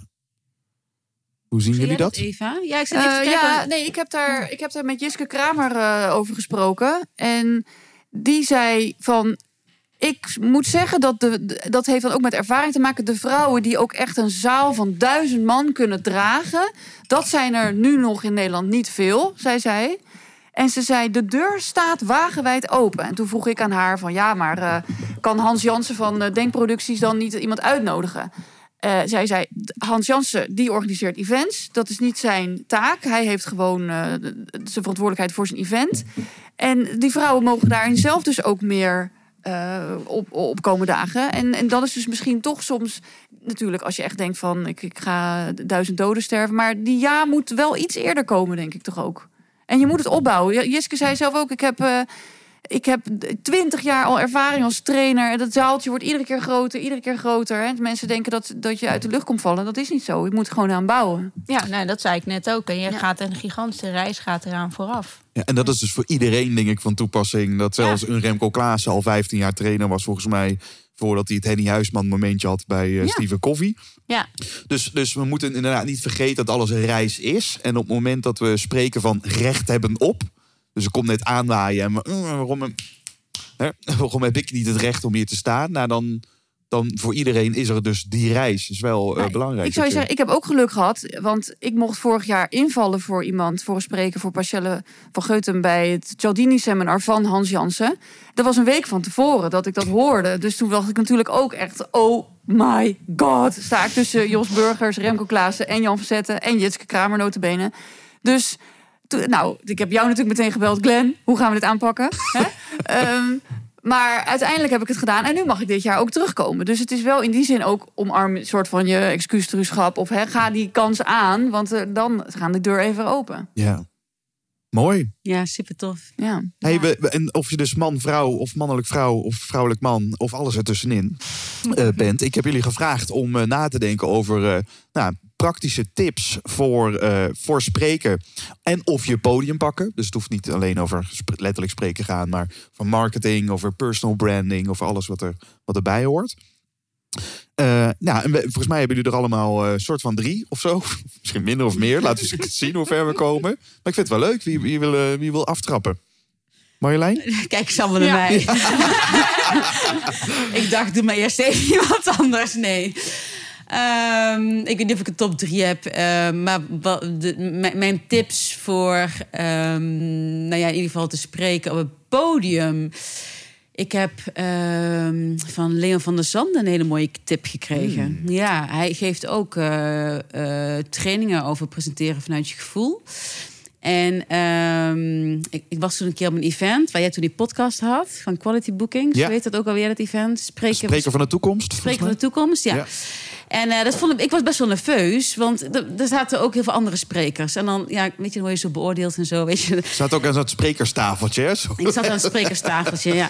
Maar dus, toen heb ik een oefening van Leon gekregen. En die werkt fantastisch. Als, als je het hebt over eh, bij jezelf en, en je hart openstellen. Ehm, ja, dat is eigenlijk door je, je handen vooruit te strekken met je handpalmen naar beneden. Ja, doe maar even allemaal Ja, mee. gezellig mee. Ja. Ja, De seance wordt het nu een beetje. Ja. Zullen we even de, de ogen dicht doen? ja. En nu draai je handpalmen omhoog. Ja. Door blijven ademen. Voel je iets? Waar Ik moet voel een soort van warmte in mijn hart. Kan het kloppen? In mijn handen. Ja. Jij Eva, voel je iets? Eh, handen? Ar- mijn armen beginnen wat zwaarder. Nee, maar Je zat er nog, nog volle bak in. Ja, ik deed ook nog mee hoor. Ja. je als je se iets hoeft te voelen. Jij voelt het in je hart, jij voelt het in je, in je, in je handen. handen. En jij? Ja, ook wel handen. En jij? Ja, ik zat, ik zat in mijn kop. Oh, dus ik had een hele, een hele flauwe mannelijke opmerking. eh, op, waar voel je het? Nou, ja. ik dacht, ga hem niet maken, ga hem niet maken. Ja. Ehm, nou ja, dat is een oefening die ik van Leon heb gekregen. En, en, en het grappige is, als ik hem doe, serieus hè, als ik hem doe en ik doe dit, dat ik daarna veel rustiger ben. Eh, ook als ik bijvoorbeeld video's opneem en ik doe het. Dan zeggen mensen, oh, je zag er zo, weet je wel. Dus Ja, het- je, dit is, eh, je brengt die is naar je lijf. In plaats van Het in is je kop. Behalve bij Glenn werkt hij. De essentie is alles wat je doet als afleiding in plaats van denken over je tekst. En, want daar word je namelijk zenuwachtig van. Alles wat je doet als afleiding, dus focus op iemands linkeroog. Of in dit geval van wat voel je als je je handen zo doet. Haalt je uit je hoofd. Waardoor je dus niet meer zenuwachtig wordt. Dat is het. ja, dat zou kunnen. Ja, ik herken hem ook met in je buik drukken bijvoorbeeld. En dan ben je helemaal op je buik gefocust. En dan ga je dus ook vanuit je hoofd naar, Naar je je buik, buik, bijvoorbeeld. ja. Werkt ook. Ja, Of met je voeten eh, denken. op je voeten. Je gewicht verdelen van voor Ja. naar achter, van Oh naar mooi. binnen. En dan op je tenen staan, op je hakken staan. Ja. eh. En tegelijkertijd weten we dat met Presence van eh, Amy Cuddy, die daar eh, flink onderzoek naar heeft gedaan naar houdingen, hè, fysieke houdingen, dat fysiologie bepaalt ook onze hormoonhuishouden en daarmee ons, ons gevoel. Hè, dus hij van die power poses. Ja. Eh, Een beetje debunked. ja, het is wel een beetje debunked, maar, Maar nog, maar nog wel- steeds de, ja. het principe dat je dus door eh, je kan of iets voelen en dan jezelf je hele houding Klein daar maken. automatisch op aanpassen. Nou, dan versterkt het. Maar je kan het ook tegenin bewegen en door juist, nou in ieder geval dit is toch al wat meer gesloten dan als je gewoon alleen bent en je kan even, even gewoon breed, strak, groot zitten. Ja, dat ik kan me voorstellen dat dat wel helpender is om gewoon. Het is eigenlijk je ruimte durven innemen. hmm, Op alle mogelijke manieren. Hoe meer ruimte je inneemt op het podium, hoe meer autoriteit je uitstraalt. Want dan maak je let, je doet het tegenovergestelde van je kleinvoel. Ik zie Eva ook de hele tijd ruimte innemen. Oh, ik zat dacht zelfs zo. Ik zat echt eh, flamingo in jou. Een mansplaining was ik. eh. Ja, allemaal van die hoeken. Het is ik doe natuurlijk ook veel fotoshoots. En dan is het altijd dat je hoeken laat zien. Hè? Dus, want anders is het niet zo interessant om te fotograferen. Maar jij, jij bent echt perfect, joh. Jij moet gewoon een Ja, ik semi-carrière inderdaad nu met mijn hele arm open. Dus onbewust zat ik echt de hele tafel hier te Volgende keer koop ik een grotere tafel en nog meer ruimte innemen. Ja, maar dat, eh, psychologisch kan ik me voorstellen dat dat dus effect heeft. Zeker. Ruimte, Ja. eh, als je zeker met spreken, ja, ruimte nemen. En, En ja, spanning wil ook een uitweg. Dus er zit altijd spanning in je lijf. Die adrenaline ga je sowieso voelen. Ook als je een geoefende vre- spreker bent. En dat is goed. Want spanning laat je, hè, maakt je extra alert. Eh, maar die, die spanning moet wel een beetje een soort van uitweg krijgen. En wat je dan heel vaak ziet, is dat mensen... dan gaan ze ineens walsen of zo. Dan krijgen ze trillende benen. Of het gaat helemaal naar je hoofd. Nou, dan, dan gaat het hoofd van alles doen of zo. En dat, dat wil je niet. Je wil eigenlijk dat die spanning gewoon geleidelijk aan je hele lichaam blijft. En daar helpt beweging wel bij. Mhm. Maar het is, geen, het is geen wiskunde, zeg ik altijd. Dus het is altijd even zoeken van wat helpt voor één persoon specifiek. mooi. Ja, ik vind het een lekkere oefening. Ja. Ja, Ja. heerlijk. Ja. Ik ga, echt, ik ga hem eh, proberen, joh. Ja, doe eens. Ja. Hè, dus voor de, voor de luisteraars, eh, je steekt tweede handen naar voren. Met dat- handpalm Met omlaag. handpalm omlaag en dan draai je dat langzaam omhoog. En dan vraag je jezelf, wat voel ik? Toch? Of waar voel ik iets? Nou, ik voel het Wonderful. gewoon. Ik vraag het me niet eens af, maar dan op een gegeven moment voel ik het gewoon en dan ga ik terug. En dan Bewustwording. ben ik er. Ja. Ja. Ja. Ja. Mooi, mooie eerste tip. ja. Ja, wie, wie, wie wil daarop aansluiten? Wie heeft misschien... eh, Nou, ik, ik vind ehm, dat we spreken echt als een topsport moeten benaderen. Eh, los van eh, oefenen, oefenen, oefenen, oefenen, oefenen. Het is niet, je staat een podium op en ik doe even lekker charmant mijn verhaaltje en ik ga er wel af en ik stuur mijn factuurtje en ik ga weer naar huis en ik doe er niks voor. Eh, ik vind de voorbereiding en, en het hele bedrijf runnen om daadwerkelijk die drie kwartier op het podium te vullen. En het podium is bijna een bijzaak. En om het zo te benaderen dat je goed voor jezelf moet zorgen. Dat je slaapt, eh, sporten, eh, dat je lekker in je vel moet zitten. Goed moet eten van tevoren. Maar eigenlijk altijd, je moet gewoon goed voor jezelf zorgen. En ik ervaar bijvoorbeeld, ik moeder van een gezin en twee meiden en heel veel was en huishouden en heel veel dingen voor school en god weet wat allemaal nog meer. Ja, ik heb wel moeten leren dat ik dus niet op alle stoelen 200% kan geven. Ik kies dus hè, moederschap. Wat vind ik echt belangrijk? Nou, ik wil mezelf niet herinneren als een moeder die alleen maar aan het poetsen was. Dus dat heb ik nu gelukkig luxe om goed uit te kunnen besteden. Je wil niet weten hoeveel was en strijk erboven is. De wasmachine draait nu uiteraard ook. Maar mijn focus zit op dat ik me goed moet voelen. Anders kan ik niet goed op het podium presteren. En dat wordt zo vaak vergeten. Helemaal mee Ehm, eens. Ja, hè? Ja. En eh, eh, dus vorige week heb ik mezelf gewoon de middag sauna gegund. Daar laat ik echt gigantisch van op. En eigenlijk zou ik gewoon iedere maand een weekend in een huisje in een bos of zo moeten zitten.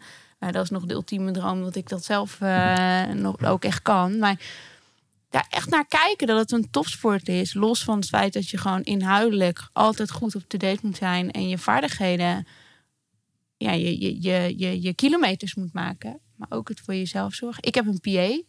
eh, omdat ik gewoon merkte, ik was te veel tijd kwijt aan alle mailtjes en telefoons in het hele voortraject. Ik, word, ik kan niet goed zien, ik kan niet autorijden. Het kost mij heel veel energie om met het OV bijvoorbeeld te gaan. Eh, dus ik heb gewoon een PA die mij echt van huis ophaalt. En tot en met dat ik thuis kom, eh, is zij mijn linker, maar ook mijn rechterhand. En accepteer ik ook dat zij voor mij thee haalt. Terwijl dat heel diva-achtig voelt. Maar ik moet wel. Ja.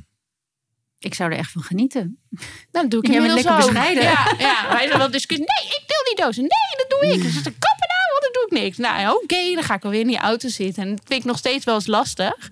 Dat iemand alles voor mij moet doen. Maar ik, nou, als ik het benader vanuit een topsport. Ik heb topsporters in de familie. Nou, als ik zie dat werkelijk alles wordt daarvoor aan de kant geschoven. Dan doe ik buiten het werk, wat al topsport is, al heel veel. zeg Ja. En de positieve intentie die daar heel erg in doorklinkt, is gewoon: hey, maak een team. Je hoeft het niet allemaal alleen te doen. Nee. Je kan een team creëren van mensen die je daarin ondersteunen, waardoor jij je precies kunt focussen op daar waar de meeste toegevoegde waarde ligt. Ja. En dat is je verhaal. Dat is Ja, en als je het hebt over wendbaarheid, is een supportende omgeving daarin ook heel erg belangrijk. Eh, en dat geldt dus ook dat je mensen om je heen verzamelt, ook in privésfeer, die je wel supporten. Want ja, het is geen 9 tot 5 baan, drie dagen in de week. en Je bent altijd maar beschikbaar. Weet je, je vraagt ook wel iets van je sociale omgeving eh in je eigen beschikbaarheid. Dus Ja. mensen daar ook weer in meenemen wat je nodig hebt, is bijvoorbeeld ook een hele belangrijke tip. Jij gaat er heel erg op aan, Alexandra. Wat, wat, wat, wat... Nou ja, ik, zelfzorg vind ik zo belangrijk. En in elk beroep, niet alleen als spreker. En wat jij zegt ook van ehm, het is topsport. Dat klopt. Ik ga echt niet eh, een avondje stappen of zo als ik de volgende dag een belangrijke Nee. performance heb. Dat doe je gewoon niet. Nee. Dus daar moet je gewoon rekening mee houden. Want ik voel me daar het lekkerste bij. En ik wil me natuurlijk gewoon lekker voelen op het podium. Dus ik ben het daar helemaal mee eens. Lekker vroeg naar bed. En eh, ja, dan maar niet dat glaasje wijn, ook al is het nog zo gezellig. Ja, Ja. nou, ik doe het niet altijd heel veel strikt en rigide hoor. Maar eh, gewoon er wel Nee, ja. bewust van zijn. eh, Ik vind ja. het in ieder geval een mooie richtlijn, weet je, om Ja. goed voor jezelf te blijven zorgen, zodat je ook het beste van jezelf kan geven. Dat vind ik een goede richtlijn. En inderdaad niet alles zelf willen doen. Ja. Dus, eh, ja. Dat is echt een verademing. Wil jij een doorpak op een tip? Wat die jij hebt meegenomen? Ehm, even denken. Een tip voor het, voor het spreken bedoel je? Ja. Die we niet al gehad hebben, ja. Ehm, nou, ik heb al een paar keer gezegd dat hier en nu zijn. Ehm, dat is misschien wel handig om dat wat meer in te kleden met, met context. Ehm, ik ontdek dat heel veel mensen in een soort van tunneltje terechtkomen... waarin ze niks meer zien als ze niet gewend zijn om voor groepen te spreken. Dus dan is er zoveel spanning als het ware... dat ze in zo'n tunnelvisietje zitten, letterlijk... en eigenlijk gewoon zelf op hun papiertje niet meer goed de letters kunnen lezen. Die worden dan ook letterlijk kleiner hè, als je spanning hebt. En ze doen dan juist niet wat hen gaat ontspannen. Want wat juist ontspant, is contact met mensen maken. Als jij contact met mensen maakt, dan heb je dus letterlijk contact met mensen, waardoor je systeem gaat ontspannen. Wij, wij worden eigenlijk blij van contact met andere mensen. Maar wat gebeurt er nou als we het spannend vinden? Dan gaan we in een tunneltje, we gaan vasthouden aan wat we hebben voorbereid. eh, of we gaan heel zenuwachtig met het klikkertje naar die keynote. Nou, dan sta je ook met je rug naar het publiek. En dat werkt gewoon niet. Dus wat je veel beter kan doen als je binnenkomt lopen, je moet je verhaal houden, is meteen al contact maken met de ruimte, met de mensen die daarin zitten. Probeer al een beetje met mensen contact te hebben qua gezichtscontact. Hè, dat je glimlacht naar iemand, je krijgt glimlachen terug. Dankzij die spiegelneuronen in je brein word je daar al vrolijker van. Want dat doen spiegelneuronen. Dus zorg dat je van tevoren al contact met mensen hebt voordat je gaat spreken. En probeer dat contact houden. En dat is hier en nu zijn, want dan zie je ook de mensen. En als dan iemand vragend naar je kijkt, dan heeft hij waarschijnlijk iets niet goed begrepen. Dan kan je dat meenemen in je verhaal. Dan kan je gewoon zeggen: Ik zie iemand nu bedenkelijk kijken. Nou, wat ik ermee bedoel is dit en dit en dit en dit. Of stel gewoon een vraag van, heb jij daar nog een vraag over? Ik zie dat je hè, je wenkbrauwen optrekt, bij wijze van spreken. Dan hou je dat contact met het publiek. Ik zeg ook altijd, de mindset moet niet zijn... ik kom een verhaal doen, maar we gaan met z'n allen een verhaal maken. We doen het met z'n allen. Het is niet ik die een monoloogje hou en dan ga ik weer weg. Nee, we gaan samen iets creëren. Wauw. Ja, ik ben helemaal cheerleading. Nu. Ik ben helemaal, helemaal, ja. Wat een goede tip dat het dus juist zit in die verbinding tot die ander.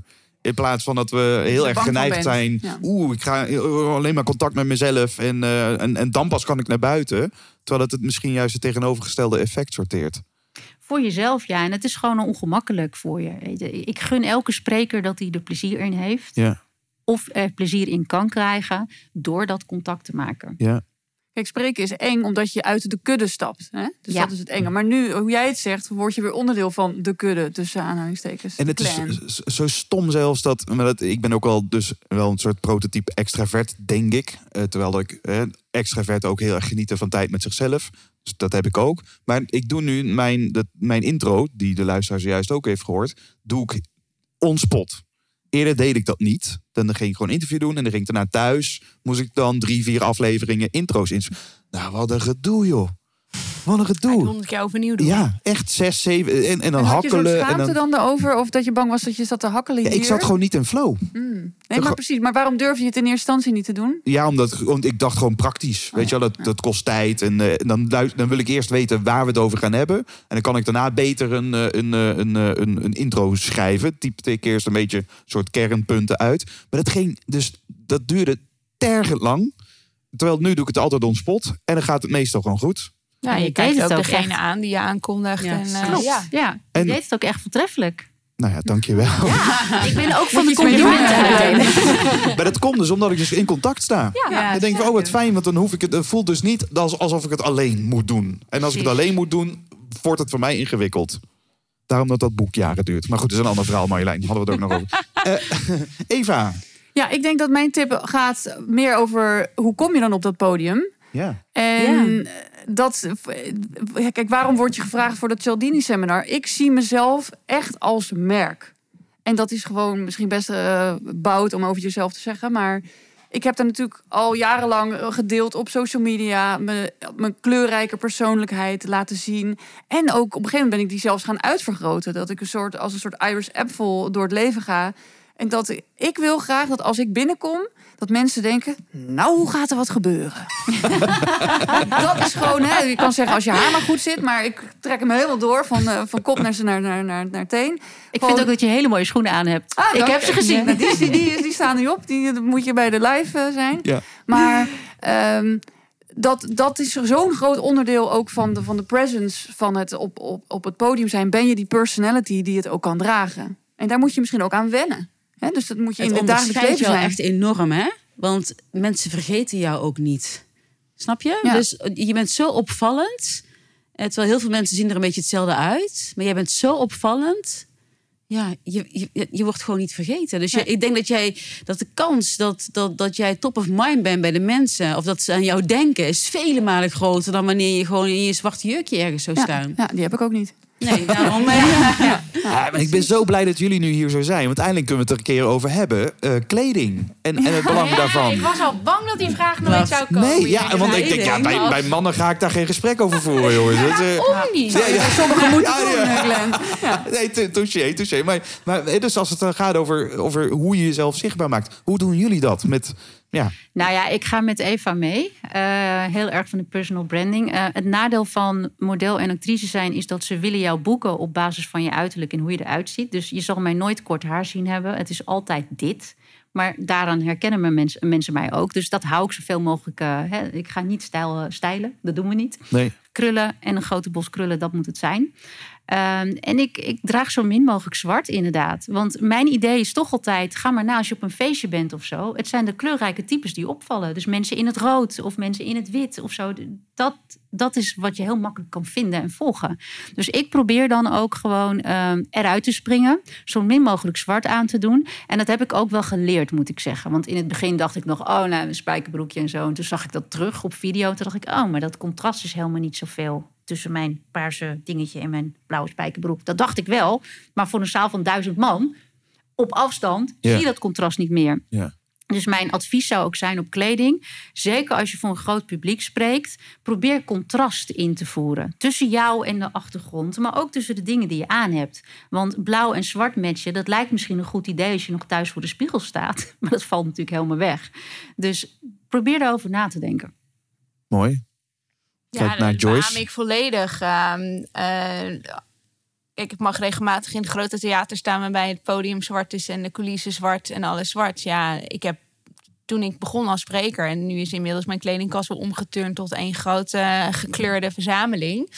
Ehm, En ik kijk ook altijd wel naar voor welke groep moet ik spreken. En dat pas ik daarop aan. Hè. Dus ik ook, eh, jij kent het verhaal vanuit de skill. Hè, dat je als spreker ook als een soort van chameleon natuurlijk wel een soort van mee twist met je publiek. Zonder jezelf daarin te verliezen.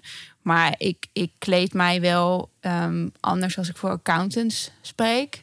Dan wanneer ik eh, voor jeugdwerkers spreek. Of voor mensen in de zorg. Of voor docenten. Of En als je dat specificeert, wa- waar, waar zit dan Ja. het verschil? Ehm, het, het verschil kan hem zitten in eh, eh, wel gewoon je pak dragen, maar doe je er een blouse onder of gewoon een, een, een t-shirt of heb je sneakers of hoge pumps aan. Weet je, daar zit Oh ja. vaak al het verschil, eh, kan je net in maken. Want in die end ben ik gewoon wie ik ben en is dat kleding waar ik van hou. Dus daar kijk ik wel altijd naar. Of soms bewust tegenspiegelen. Want Ja, als ze jou boeken om doen, een ja. bepaalde achtergrond, zoals bij mij dan theater of zo, dan boeken ze mij juist om die reden. Dus dan kan Ja. ik soms juist ook een beetje speels gaan tegenkleuren. En eh, weet ik veel, twee verschillende soorten sokken aandoen of zo, waar ik vaak fan van- ben. en dan eh, kom ik er toch ding in vaak de wel mee weg. ja, moet ik zeggen. Maar ik, ik eh, volg je gedachten wel, ja. Ja. Ja, je hebt ook een hele duidelijke signature eh, als het gaat over het colbertje en, eh, en, en een shirt. Dat is, kijk naar Marjolein ik heb, nu. Ik heb lange tijd heb ik heel veel pakken gedragen. Had ik in alle kleuren. en flinke kleuren. Rood, blauw en alle kleuren. Ehm, ja, toen kwam de coronatijd. En toen kreeg ik die burn-out. En ik wil nu van de pakken af. oh, echt? Ja, ja, ja, ja. Ik, eh, Hoor ik veel mensen zeggen. ik ben de pakken nu ben ik een beetje klaar mee. Ik vind ze juist, nu ben ik ze helemaal aan het Ja? ontdekken. Ja, dat is Ja, wel ik- grappig. Ik had altijd jurkjes aan en nu vind ik weer Oh, meer echt? pakken leuk. Nou, ik ja. dacht juist, ik wil weer meer vrouwelijkheid. Dus ik wil meer naar de jurkjes toe. Dus ik, ja, ik ben meer naar de jurkjes nu. eh, Jullie moeten even een keer bij elkaar. Volgens mij zijn jullie Ja, even lang of zo. Dat, gewoon, eh, eh, Ja. Kledingruil. eh. Maar Ja. het, is heel, het is helemaal, weet je, soms heb, dan leg ik iets klaar en dan en de volgende ochtend denk ik, oh nee, ik heb daar ook helemaal geen zin in. En dan trek ik wel gewoon een zwart jurkje aan, omdat ik daar op dat moment gewoon zin in heb. Dus, en ik kijk ook heel erg wat jij ook doet naar het publiek. Ja. Eh, Dat, en dan kun je zeggen van je kunt dat juist, maar ik vind ook. Ja, maar dat is dan bewust. voor advocaten of zo ga ik echt niet in mijn weet ik en Sneakers en en een spijkerbroek. Nee, Nee, weet je, daar voel ik me helemaal niet prettig bij. Dus dan kleed ik me vaak op, op meer ingetogen en eh, weet ik dat, dat, dat het publiek dat dat eh, allemaal mannen zijn die allemaal wild zijn en, en, en ja, dan ga ik ook niet in, een- in een super sexy jurkje daar staan of zo, weet je wel. Maar dat is dan weer grappig, want dat willen ze toch. Nou ja, dat krijgen ze niet. Oké. Ja, dus meerdere, meerdere gedachten hierover. Hebben jullie ook een, een stylist of iemand? Of, hè, er zijn een hele wetenschap over kleur, kleurstellingen. Welke kleur het best bij je huidskleur past ook. Ja, ik vind dat iedereen eigenlijk met een eh, stylist zou moeten werken. Oh, ja. oh. Nee, nou, eh, oh, om een keer gewoon... Dat geldt natuurlijk ook voor make-up. Kijk, ik kom uit de televisiewereld, dus toen werkte ik altijd met een stylist. En die eh, hing gewoon van alles klaar en dan ging je doorpassen. Je werkt ook met de visagisten, dus ik moest notabene het ochtendnieuws presenteren. Dus dan kwam ik om vijf uur s ochtends op de redactie. ging ik om zes God. uur in de visagie. En toen moest ik het zelf doen, want dat vonden ze iets te gortig. Dus toen kreeg ik een hele cursus. En daar heb ik natuurlijk mijn leven lang profijt van. Van goede make-up. En die kleding ook. Ja, het is zo heerlijk om je kast uit te mesten met een professional. En nieuwe combinaties te maken. Je leert gewoon. Het is gewoon een ander ambacht. Dus het is gewoon heel nuttig om... En trouwens, waar het bij mij dat, dat branding denken ook echt door is aangegaan... is dat ik toen de kleuren van mijn brand heb laten maken voor mijn website. Voor alle uitingen. En toen dacht ik, hé hey, vrek, dat kan ik eigenlijk zelf ook wel aan. En toen ben ik me ook helemaal in die kleuren gaan kleden. En dat was eigenlijk, toen, toen was het hek van de dam. En jij hebt toch ook lang ook jurkjes gedragen? Ja, dat klopt. Zeker als lang. dagvoorzitter. En Ja. daarna ben je overgegaan naar pakken voor. Ja. Kijk, vrouwen weten het allemaal van elkaar. Ja, mooi, mooi. Ik merkte dus dat, dat, dat dagvoorzitter zijn is een veel dienstbaardere rol dan spreken. Mhm. En ehm, daar heb ik mezelf dus ook eigenlijk heel lang... Pak je podium heet het wel. Lijkt het alsof je podium pakt. Maar ik liet nooit wat van mezelf zien. Was dat, en hier is Glenn. Weet je, woep, En weg was ik zelf, weet je wel. En toen ik ging spreken, ging ik veel meer in die masculine look met pakken. Maar wel met een gekke funky twist. Pantenprint, glitter... Ehm, maar ja, ik, dus ik vind die, die skill van eh, kleding als taal begrijpen, vind ik wel heel interessant. En ook voor mannen leuk. Ja, Ja, zeker. Ja. En eh, het gevoel wat je erbij krijgt. Want als ik jou ook even zie praten daarover, dan ga je ook helemaal aanstaan. En die bewegingen komen erbij en zo. En ik denk dat dat ook eh, een goede tip is voor jezelf. Van wat trek ik aan, zodat ik me zo goed voel op het podium dat ik lekker aan ga staan. Ja, dan, gaan, dan, dan werken mijn pailletten beter als ik een beetje mee. Ja. Dan shine ik gewoon. Ja. Zijn er go-to experts die jullie kunnen adviseren? Dat je misschien, ik weet niet of er een boek bestaat daarover. Of een eh, Eh, ik ken toevallig de eerste die bij me opkomt, is Gigi Bauer. Gigi Bauer. Ja, zij heeft heel lang volgens mij eh, in de fysiologie gewerkt. Eh, en zij doet ook echt dingen voor personal branding en zo. En geeft je daar ook adviezen in. Ja, Ja. dat is het eerste wat er bij me opkomt. Iemand anders? Ja? Henriette Visser, die heeft meer ook een, een- artistieke achtergrond. Dus die, die kijkt ook veel meer van niet wat is in de mode, maar wie ben jij en wat moet daarbij passen. Eh Marcella Andriga, die, dat, die geeft ook les aan andere kledingprofessionals. Dus eh, ja, die zou je ze op Instagram kunnen opzoeken. Gaaf. Dit vind ik leuk. En ik, dit is echt iets waar ik, waar ik dus nog altijd een keer heb willen doen. Zo'n kleurworkshop. Ja, ik ga een met je mee. Ja, Ja, ja, ja, helemaal oké. We gaan even Ja. na, na afloop even, even plannen met elkaar. Dat, En als jij opkomt met iets van kleur of een waanzinnig goed pak in een prachtige, weet ik veel, paarstint. Ik zeg maar even wat. Ja. eh, Of eh, Bordeaux. Ik Ja. zeg maar even wat. Maar dat zou toch enorm veel nog extra impact maken? ja, maar Ja. ik ben oerzaai qua kleding. Nou Dat- ja. de- de- de- Ja, gewoon maar- hoe, kijk, is dat bewust dat je oerzai kleedt? Of is het gewoon, ja, het is nooit een aandachtspunt geweest? Of, Nee, want ik ben wel ijdel genoeg dat ik voor de ja, want spiegel je ziet er sta. En, eh, representatief uit. en vandaag- Volgens mij is dit doordacht. Wat En je je hebt ook goed haar. Ja, dus ik heb vandaag wel dit uit, aangetrokken vanuit de perceptie. Ik kom hier met een aantal Ja, eh, ja, powervrouwen ja. samen. Dus ik, eh, ik, trek, eh, ik trek mijn eh, even wat ne- iets netters aan of Je iets ziet er leukers. goed uit, Glenn. Nou, dankjewel, Ja, dankjewel. goed uit. Klaar, klaar, klaar. We gaan de volgende tip. eh, volgende tip. nee, maar de, de grap is dus, ik, ik heb meer dat blenden. Dus ik, Ja, ik denk precies, na, met, waar steek, zit ik tegenover? Als ik bij Ja. bol.com kom, dan Ja. trek ik zo een trui en sneakers aan. Ja, en sta ik daar voor de groep. sneakers. En als ik bij KPMG kom, dan... Hoe oud ben eh, jij nou? Je bent toch geen 16? nee. Nee. En, ik bedoel, eh, oké, ik heb ook niks tegen mijn truisneakers. En ook Robert de Vries van Quality Bookings is ook dol op zijn eigen hoodie. En dat Ja, dat is zijn stilo, toch? Dat is mijn Ja, stijl. Maar eh, er is nog zoveel meer. Laat ik het zo zeggen. je hoeft Ja. niet altijd die hoodie aan te doen.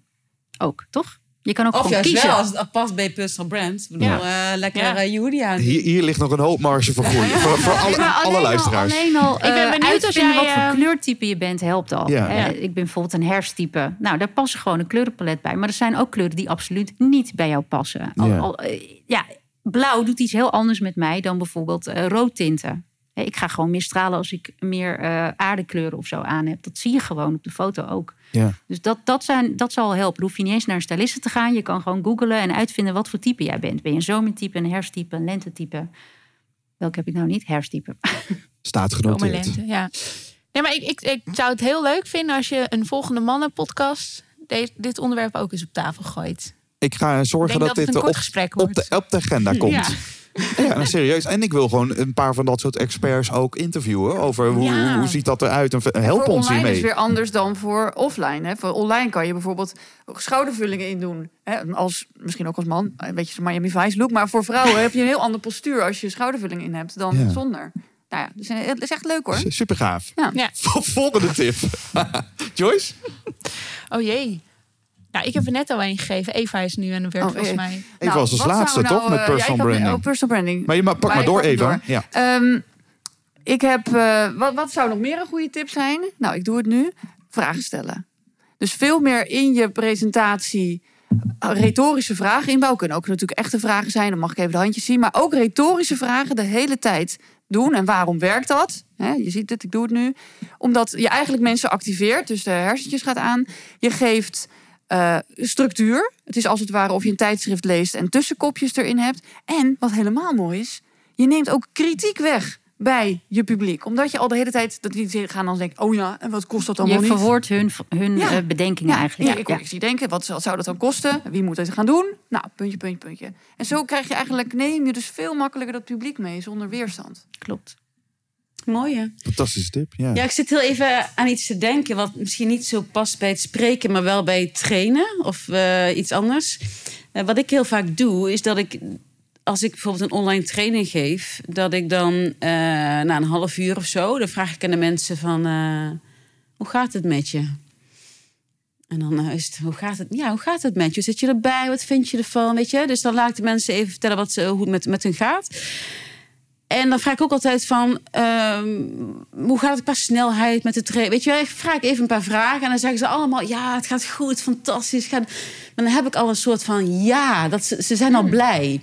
Dus dat zorgt ervoor dat de evaluaties achteraf, ja, eigenlijk altijd goed zijn. Want ze hebben al een keer aangegeven, met een ja, dat ze tevreden zijn. En dan wil je ook niet meer terugkomen op je... Nee, dus ja, ja, dat consistentie. Ja, Ja, dit is gewoon. Cialdini's consistentie. ze, hebben de, ka- ze hebben de kans gehad natuurlijk. Ja. Eh, als het, niet zo was, dan kan jij het nog fixen. Dus het is eigenlijk heel, heel slim. Het, precies, dat zeg ik ook altijd. Als er iets is wat je niet... Vertel het me, dan kan ik het nog aanpassen Ja. voor je. Ik weet zeg je? dat trouwens ook altijd hoor. Ja, dus dat, Ja. Dat, dat werkt gewoon. Het is ook een gedeelde verantwoordelijkheid. natuurlijk. Zie je staan, je. Dat zeg je Nou, heel met goed. Ja. het wel goed. Maak ze Ja. mede verantwoordelijk voor het succes van de training. Ja, wat natuurlijk in een training ook letterlijk zo is. Want, Ja. want iedereen kleurt de dynamiek. Je hebt eh, twaalf man in een ruimte. Ja, iedereen brengt zichzelf mee. Klopt. Eh, dat is in een zaal inderdaad. eh, nou, laten we even beginnen met een incheckrondje. Beginnen bij jou. eh. ja, dat, dat is wat... Maar dat even misschien halverwege inchecken zou in principe best kunnen bij een, bij een Hoe lezing. dan? Nou ja, vind je het leuk? Vind je het interessant? Ja, ja. En dan, dan door. Dat zou toch kunnen? Ja, ik, eh, wat ik, Ja. ja eh, eh, denk staan of zo. Ja, gewoon even... gewoon, Laat even je hand. Oh, ja, even, gewoon, even handen jongens. Wie er eh, ja, wie, wie zit er nog steeds in de goede workshop? Weet je wel? Wie denkt van, had ik nu toch En maar dan een kun je zeggen, oh, ik zie lachende Ja. gezichten. Nou, mooi. Gaan we verder. Ja. En dan- Ja. ik had Die het- zitten nog steeds in de goede workshop. Sorry, dat vind ik wel grappig. Ja, die gaat ze er wel af. Ja, Humor doet het sowieso goed, hè? Toch? Wat zeg je? Ja, humor doet het Humor, ja, want ja. het eentje wat nog opkwam bij Rituals deed ik een hele reeks online sessies. En een van de onderwerpen was: mensen rennen zichzelf voorbij terwijl dat de missie is. Hè. We, we leren mensen ontspannen, eh, gekoppeld aan Oosterse rituelen. Even een momentje voor jezelf. En toen begon ik honderden mensen in een webinar per keer.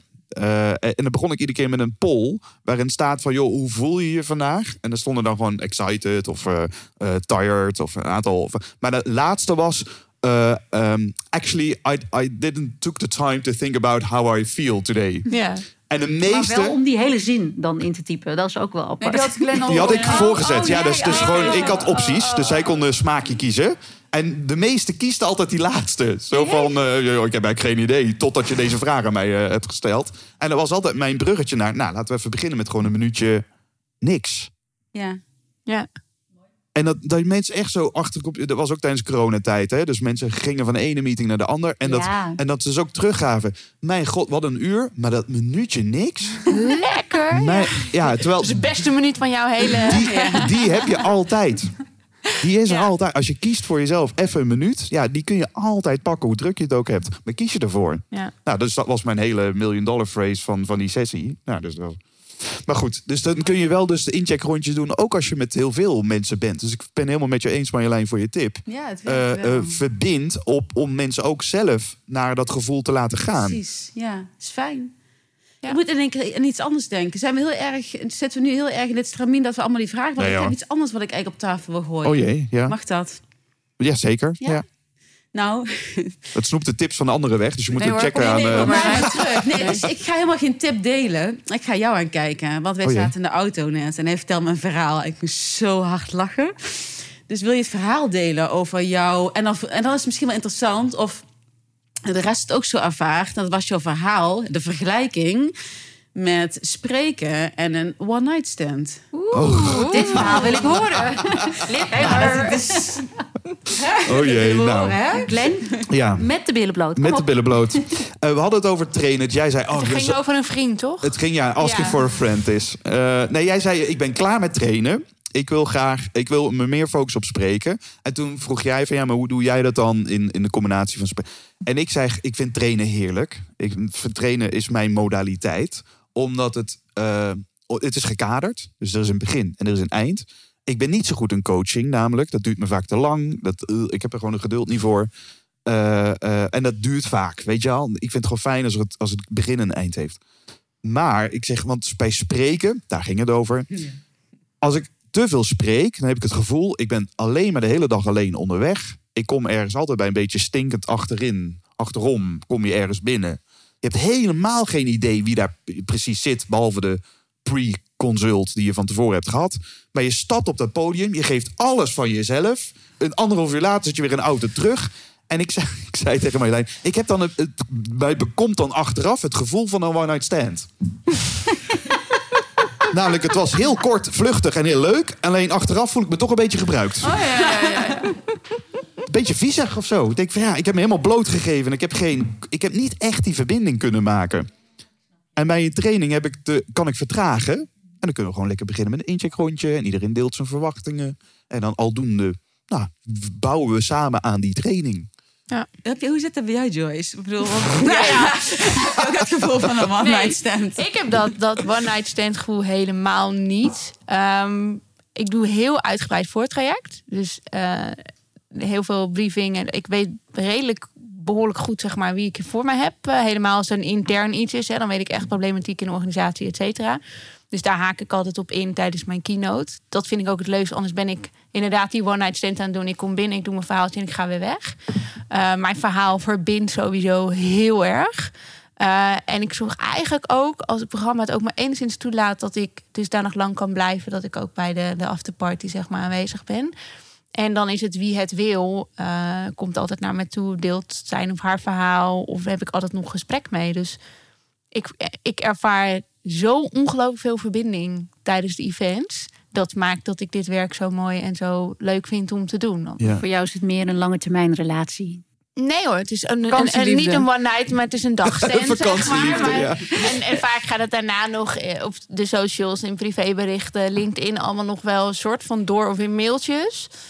Eh, maar ik zit ook niet te wachten op een hele lange termijn relatie met werkelijk iedereen in mijn publiek. Want dan heb ik letterlijk geen leven meer. Dus dat kan ook niet. Dus Nee. ik vind het juist zo mooi dat je op zo'n klein stukje van de dag zoveel verbinding kunt maken met Ja, dat iemand. vind ik ook wel. En ik vind het een heel interessante uitnodiging voor jou aan jezelf. Hoe je dan toch meer dat, eh, hè, de duurzame liefde in die, eh, in die sprekersklus kan krijgen. Ja. En verbinding. Ja. Ja. En ik, dat, jij zegt eigenlijk al voor mijn gevoel een antwoord. Namelijk dat ik dus als ik een dag training heb, staat die dag geblokt. En dan ben ik gewoon die dag daar. Ja. Alleen mensen hebben dus het idee dat als ik dus anderhalf uur ergens sta te spreken, dat ik de rest van de dag nog gewoon beschikbaar ben voor meetings, calls en andere zaken. dat is Oh, maar dus dat bij doe ik dus niet. Ja, nee, dat doe ik dus niet. Ah, Nee, kijk, dat- hier, hier, hier, hier ontstaat een paradigmaverschuiving, Nee, eh, maar, dames en heren. maar misschien is dat ook een man-vrouw dingetje, weet ik niet. Maar ik ken dus inderdaad heel veel mannen die precies als jij, die hebben gewoon een hele dag volgepland. Ja, of Maar vier ik kan keynotes dan- op een dag. Kan ja, ik ook niet. Maar ik kan dan gewoon niet 100% van mezelf geven tijdens die lezing. Dus de- kijk, het gebeurt natuurlijk wel eens. Soms ontkom je er niet aan dat, dat je meerdere dingen op één dag hebt. Maar ik probeer het altijd gewoon te voorkomen. Ja. Ja. Als ik dat ga doen die dag, Ik heb dan is dat en wat de caravan uitgeruimd en toen nog gesproken. Dus het, op zich Ja, nee, kan dat kan wel. ook heel veel. Dat kan Dus wel, kan maar wel, als je dan en een training en een lezing Ja. op één dag en een meeting die belangrijk is, misschien dat vind ik, dat vind ik, ik vind het, laat ik het zo zeggen, dat is iets persoonlijks. Ik vind het lastig om mijn energie dan te verdelen op zo'n manier dat ik overal die goede performance kan geven. Viola mag voor mij ook geen calls inplannen op de dag dat ik een keynote heb. Want dan moet ik me helemaal verdiepen in een andere opdrachtgever. En dan ben ik eruit. Dus ik ga wel die dag in een soort bubbel. Dan ben ik bij die opdrachtgever. Daar speelt dit. Dit ga ik vertellen. Nog een keer doorlezen. Nog een keer kijken. Mijn kleding. Dat, dat is wel een soort ritueeltje. En even eh, selfcare doen. En dan gewoon echt ruim een uur van tevoren op de locatie zijn. Als het moet eerder in verband met pauzes. Dat ik dan kan opbouwen of zo. Ja. Ja, ik, ik ben daar gewoon full dedicated. Eh, dat maakt ook dat je nooit eh, om vijf uur 's middags vervolgens weer thuis bent. Maar vaak veel later. Maar ja, ik heb dan wel even een relatie met die opdrachtgever die hele dag. En Ja, het dus is de verbinding. persoonlijks, denk ik. Ja. Het is goed om en- dat en- serieus te nemen in ieder geval. Die, Ja, dat eh. Ja, het is toch een ja, vak? tuurlijk. Ja, ja, dat, Ja, dat, dat, dat dat is vak de is zeker. Zo'n leuke vergelijking die je maakt. Ja, Ik ja, is, zo eh, mooi. Ja, ja, maar vanaf nu Eentje ga ik er ook zo naar kijken. Hoe heb ik het Zo'n ervaren? emotionele hoer. Maar goed. Ja, en door. We hebben eigenlijk, we- we, gaan alweer, we zitten al bijna op anderhalf uur, Nou, inderdaad. dames. Yes. Dus, dus wij, wij hebben nog tijd voor een, een, een laatste uitbrander. Een, eh, iets, een, een, een soort tip waarvan je zegt, nou, dat is toch gewoon eh, de call to action misschien. Hè? Stel, de luisteraars, dat zijn dus niet alleen professionele sprekers, maar in ieder geval wel allemaal mensen die met communicatie en zichtbaarheid bezig zijn. Wat zouden ze morgen moeten doen, laten of nooit meer vergeten? Wanneer ze een performance moeten geven, een En presentatie. op wat voor gronden dan ook, of dat aan de keukentafel is, in de meetingroom of eh, op een groot podium. Oké. Ehm, nou ja, in ieder geval, als je een verhaal gaat vertellen of schrijven, daar moet een soort van verandering in zitten. Dus ehm, de beginsituatie moet anders zijn dan de eindsituatie. En daar kan je heel veel mee spelen. Je kan met de structuur spelen. Maar die verandering is wel nodig om een echt verhaal te hebben. En vaak uit die verandering leidt vaak ook een soort van hoofdboodschap of een les. Is even het eerste wat er in mij opkomt. Ja, ik denk alleen maar aan, maar dat, is meer, dat heeft meer met mezelf te maken, denk ik. Maar misschien ook een goede tip voor anderen. Ga gewoon doen. Doen. Ja. En je leert vanzelf. Eh, voor mij is dat het pad ontstaat door erop te lopen. Dus inderdaad, ga het gewoon doen. Je weet, ik heb ook nooit gedacht dat ik spreker zou worden. Dus gewoon een stap zetten en dan zie je wel verder. En ehm, je bent nooit klaar. Dus blijf jezelf ook altijd ontwikkelen. Spreken is echt een vakmanschap. En door elke keer een stapje te zetten en weer iets nieuws erbij te pakken om je weer in te verdiepen en in te ontwikkelen, ja, wordt dat pad volgens mij alleen maar mooier en groter. En als je nou morgen dan die vergadering hebt waar je in zit en je iemand vertelt iets en je denkt bij jezelf, nou waar gaat dit over? Ik snap het helemaal niet. Steek jij dan je hand op hè? en zeg je dan, sorry, maar ik begrijp het even niet. Ga je dan door dat ongemak heen terwijl je om je heen hebt gekeken en iedereen knikt en kijkt blij? Hè? Ben jij dan de enige die het niet snapt? Dit is in miniatuur. Hè? Als je dan, hè, if you show up, dat is eigenlijk de beweging die je steeds moet maken en die je ook kunt oefenen. Want mensen zullen je dankbaar zijn. Niet de hele zaal, niet de hele vergadering, maar die paar mensen zeiden: Oh ja, ja, nee, ik begreep eigenlijk ook niks van. Aha, dus je had het wel goed, je voelde het goed, spreek je uit. Dus dit is waar het om gaat, door die kleine momenten van ongemak heen, die helaas ook altijd er zullen blijven. Maar Mooi. pak je podium. Prachtig. Prachtig. Sluit ik me helemaal bij aan. Amen. Afsluiten. Nou, dank jullie wel allemaal. Thanks Glenn, hartstikke leuk. Dankjewel. Dankjewel. Dankjewel. Hey lieve luisteraar, gefeliciteerd. Je hebt de hele aflevering afgeluisterd. Dat verdient een klein cadeautje. Ga naar www.desprekersregisseur.nl en klik dan op de knop Academy. Want daar vind je de negen beste lessen van twee jaar over spreken gesproken. Kun je je gratis voor aanmelden voor de Online Sprekers Academy, zodat ook jij leert praten met resultaten. Tot slot wil ik de gast van deze aflevering heel erg bedanken. Vond je het ook een gave aflevering? Laat het dan weten. Zet een comment of stuur een berichtje via LinkedIn. En ik zou het vooral heel erg gaaf vinden als je een review wilt achterlaten op je favoriete podcast-app, zodat deze podcast ook vindbaar is voor iedereen die korte wetten wilt maken met plankenkoorts en wilt spreken met meer impact. Bedankt voor het luisteren en tot de volgende aflevering.